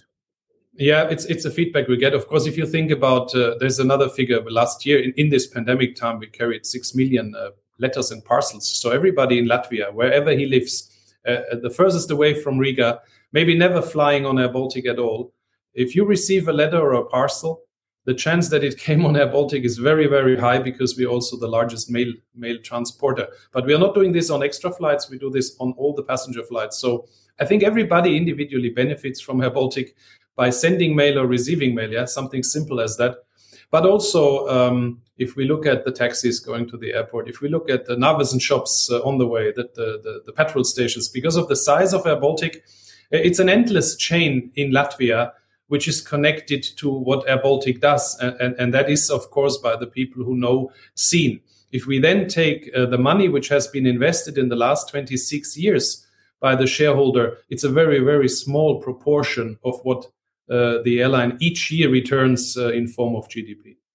So now you understand my frustration when people say that, oh, that why why why Air Baltic needs this uh, influx of money and and so on and so on. Uh, well, uh, let's talk about business. Uh, many people haven't noticed that uh, you have a new business. Um, Air Baltic serves uh, their own um, planes in the in ground hand handling. why there was such a business decision? We uh, at our main station Riga, uh, we had a, a, handling partner for five years, Habash, uh, and the contract came to an end. We negotiated and we couldn't find uh, an agreement, uh, and that was uh, already happening at the beginning of 2021. So we then decided we did a business case what it would mean for us to to take over the passenger handling part. Um, and there's two reasons. first of all, it's a better cost for us going forward. So we will have a, a better business case. But also, we believe, and, and, a lot of airlines do that at their main airports, that uh, we, from the customers who book an Air Baltic ticket, to be received at the check-in desk and then also at the gate and then later on on the airplane it is all air baltic employees and it's much easier for us at our main airport to have a consistent product there uh, because it's then our employees and we are not talking to a third party unfortunately, uh, at all the outstations, yeah, we're surfing up to 90 routes. We have to have to uh, have handling agents doing it for us, and you see the difference as a traveler with all airlines. If you are at the main base of an airline where the handling is passenger handling is done by the airline, it's always different because people know what they're talking about. While sometimes on outstations, maybe we are coming there only once a week. Uh, you cannot expect that the handling agent can follow all the rules and regulations. And to do that in in Riga uh, has uh, first of all for us a positive effect on the business case going forward because taking the previous provider would have been more expensive, but also the product should improve significant as we are now uh, seeing an increase in passengers and we can then adjust with our own staff uh, as we want to uh, to to yeah to improve or to maintain our service level. Uh, you are opening a new base in Tampere in Finland. This is uh, now a publicly known fact. Uh, again, why such a decision? Why Tampere? We have uh, looked at six different airports in Europe, which would be um, a potential base. Um, if we go back in history, we had only Riga. Uh, then we opened a base in Tallinn and in Vilnius, and especially Tallinn uh, we looked at it how how did the point to point traffic develop? So not the traffic towards riga which is connecting via riga but what about the routes 14 routes there which are point to point are direct routes? And that worked very well for us. So um, before pandemic but even now in the pandemic we could maintain that. And so we said okay there's um, more and more aircraft coming. We need to step and park aircraft also outside the baltics to earn money. And then by all the airports we looked at tampere was the one uh, which is the first base outside the Baltics. Tampere has about a 1 million people uh, reach around Tampere. It's the second largest city in Finland. And there's one special thing about Tampere. It's the fastest growing city there and also the most beloved city in Finland. One very special and unique thing uh, made us take that decision at the end. Uh, Finnair, the local national carrier, is not serving that city. Can you imagine? So we have a, a city with a really? similar yes, we have a, sim- a city with a similar size than uh, Riga, if you look at the catchment area, uh, but then there's nobody flying to this airport. So therefore, for us, that was, um, I think it's a win-win because looking at the numbers now, uh, we get already the bookings we already get, and we only start in May. I think that that was something smart to do, and, and that's why Tampere is the first base we opened. Oh well, good luck with that. That's uh, that's a good decision. I think, and uh, you found a, a, a, an empty spot in, in the in our region where yeah. where to where to make the base. Yeah, that's that's that's good. Uh, I think that every company, I mean, every airline, uh, demonstrates a certain uh, level of maturity when they open their own uh, academies, their own schools, and we all know that uh, that that Air Baltic has opened uh, in Liepāja its own academy. Um, and have you ever have you expected any harvest new pilots already from that academy? Uh, before pandemic, so the decision to open the academy came from the demand uh, before pandemic on, on, the global pilot demand. Yeah, pilots were very rare and will be very rare in the future. So our forecast was for the 50 airplanes coming by the year 2024 that we would need several hundred more pilots. The world market was completely dried out. So we set up the pilot academy, started it, and it is a big success and actually, it helped a lot that we had the academy now because we are growing. We are employing now pilots. And by April, we will have 40 pilots from our pilots, which have um, finished their academy and, and, are employed by Air Baltic. T- today, already 24, and by April, it will be 40. And we have each quarter new courses starting. So that works very well for us because these pilots are trained as Air Baltic pilots from their very first day and they are flying on very modern, already glass cockpit aircraft in their training. Uh, that's an investment we took there. Uh, and, and with that, of course, it's a profitable part of Air Baltic, but the biggest profit comes from very loyal and dedicated pilots who have spent two years with Air Baltic in their education and then entering our Airbus A220. Um, that, that is something uh, larger airlines do, and we, we decided to do it uh, out of the need for future pilot demand. And now it pays off very well because we have a lot of pilots uh, coming and joining Air Baltic from the Pilot Academy. Yeah, and for all our audience, I want to mention that uh, that uh, this academy is not in Riga but in Liepāja. So it means again uh, an indirect uh, or direct this time uh, investment in uh, in the regional regional budgets and regional economy. Yes, and, and not only that, also if we look at diversity, um, we have 10% of the academy pilots are female, which we were very proud of uh, because Air Baltic in general is a very diverse company, and um, we are leading in that respect as well. Uh, so very happy to have many many female uh, cadets there, and also now today we already have captains, female captains flying Air Baltic aircraft. Mm-hmm. Uh, internationally, Air Baltic is also known as uh, as an innovative company. Uh, you have been one of the first, or I, I, I think even first ones who uh, offered to buy tickets with bit- bitcoins. And very recently, you embraced the new trend of uh, NF- NFTs or non fungible tokens. Uh, can you elaborate on, on, on a bit of on, on this project? Yeah, so we were actually the first airline in the world accepting Bitcoin in 2014. Can you imagine uh, how long that was in time? And uh, since that time, we do it. Um, a lot of times people smiled at us, uh, but today nobody smiles at it because it becomes a mainstream blockchain technology. And a logical consequence out of the experience we gained over these years with, with the cryptocurrencies as a, as a form of payment uh, was when the NFTs came. Um, and we saw the potential and we see the potential uh, as the NFT and, and not so much the art uh, and what what maybe the mainstream sees today, but all the technology behind it on blockchain. And we are actually preparing a, a major project uh, there um, with, with, the clear target uh, to be more sustainable. So it sounds funny, but with the blockchain technology, there are so many opportunities, especially with the NFTs. If we think about future developments which are already underway uh, that uh, everything basically which is digital can become an nft and with that you can heavily reduce the complexity and with that the cost. So we are um, out there with an nft it's a it's more a marketing. It's a city collection.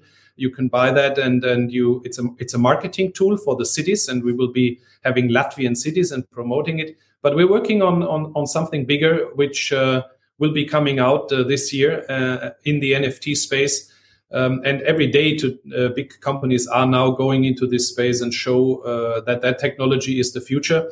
Uh, metaverse uh, is is a word which is used around that. So we will be coming out with another innovation, and again, we'll be first in the world uh, on on that. We are very innovative, very proud of this. Uh, and if we wouldn't be in the pandemic, I guess there would be much more hype around it. But we're getting out of the pandemic, and then we can also have this as highlights to, today, of course, focus is going back to profit. Mm-hmm. Uh, for those who don't know, I, I uh, would really encourage to go to uh, the website of uh, Air Baltic, uh, find this an NFT uh, section in the blog. I mean, it was in the blog section where I found it at least. these were very beautifully designed cards about Latvian cities with animations and everything. So it looks very nice. so I really encourage everyone to go and take a look.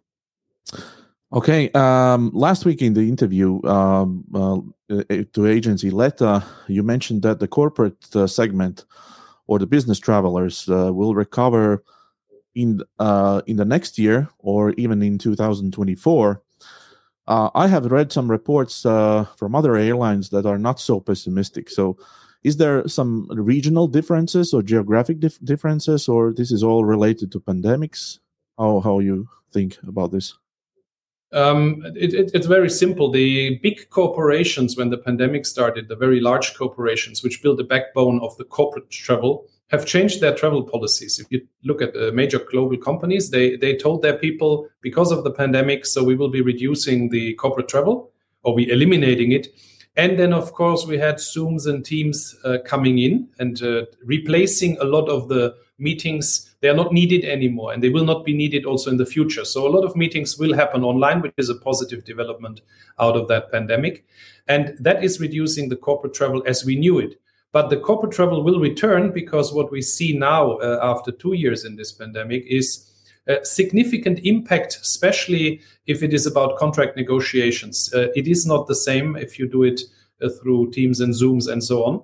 So not everything can be done better, and there is a lot of uh, small and medium-sized businesses or decisions which have to be taken where you need to sit face to face because we are humans and we have body language, uh, we have uh, different senses, and all of these senses do not come out in in online medium, and therefore will return. We will have corporate travel, but it will be a bit different, and the large corporations will take their time before they allow again all their employees to travel as they used to.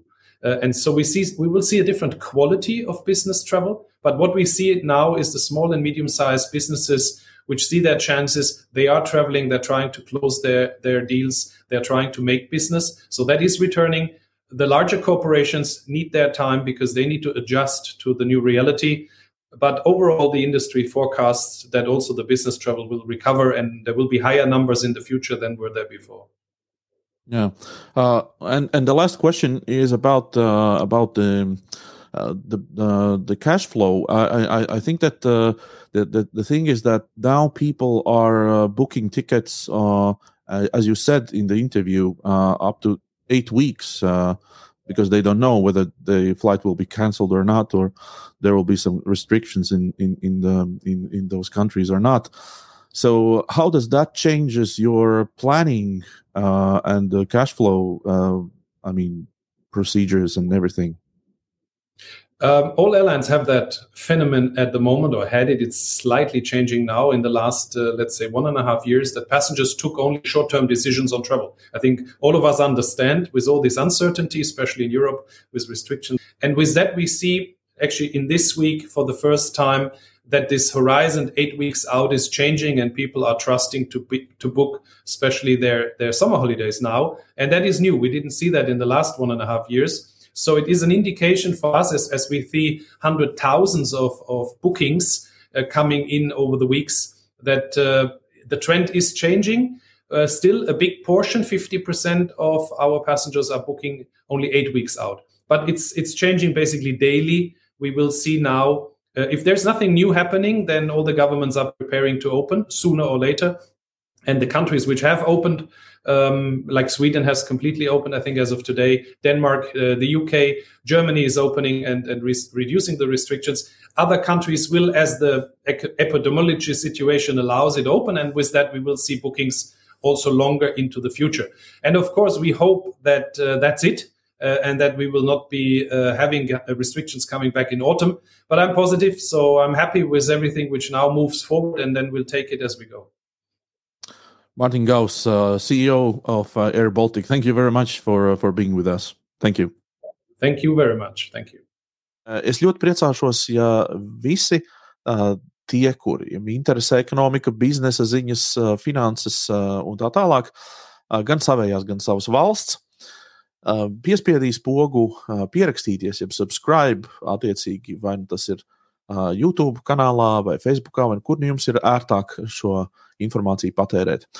Diena pēc, kas ir šīs šī raidījuma vai šī raidieraksta platformas turētājs ne tikai rada ziņas par ekonomiku un uzņēmējdarbību.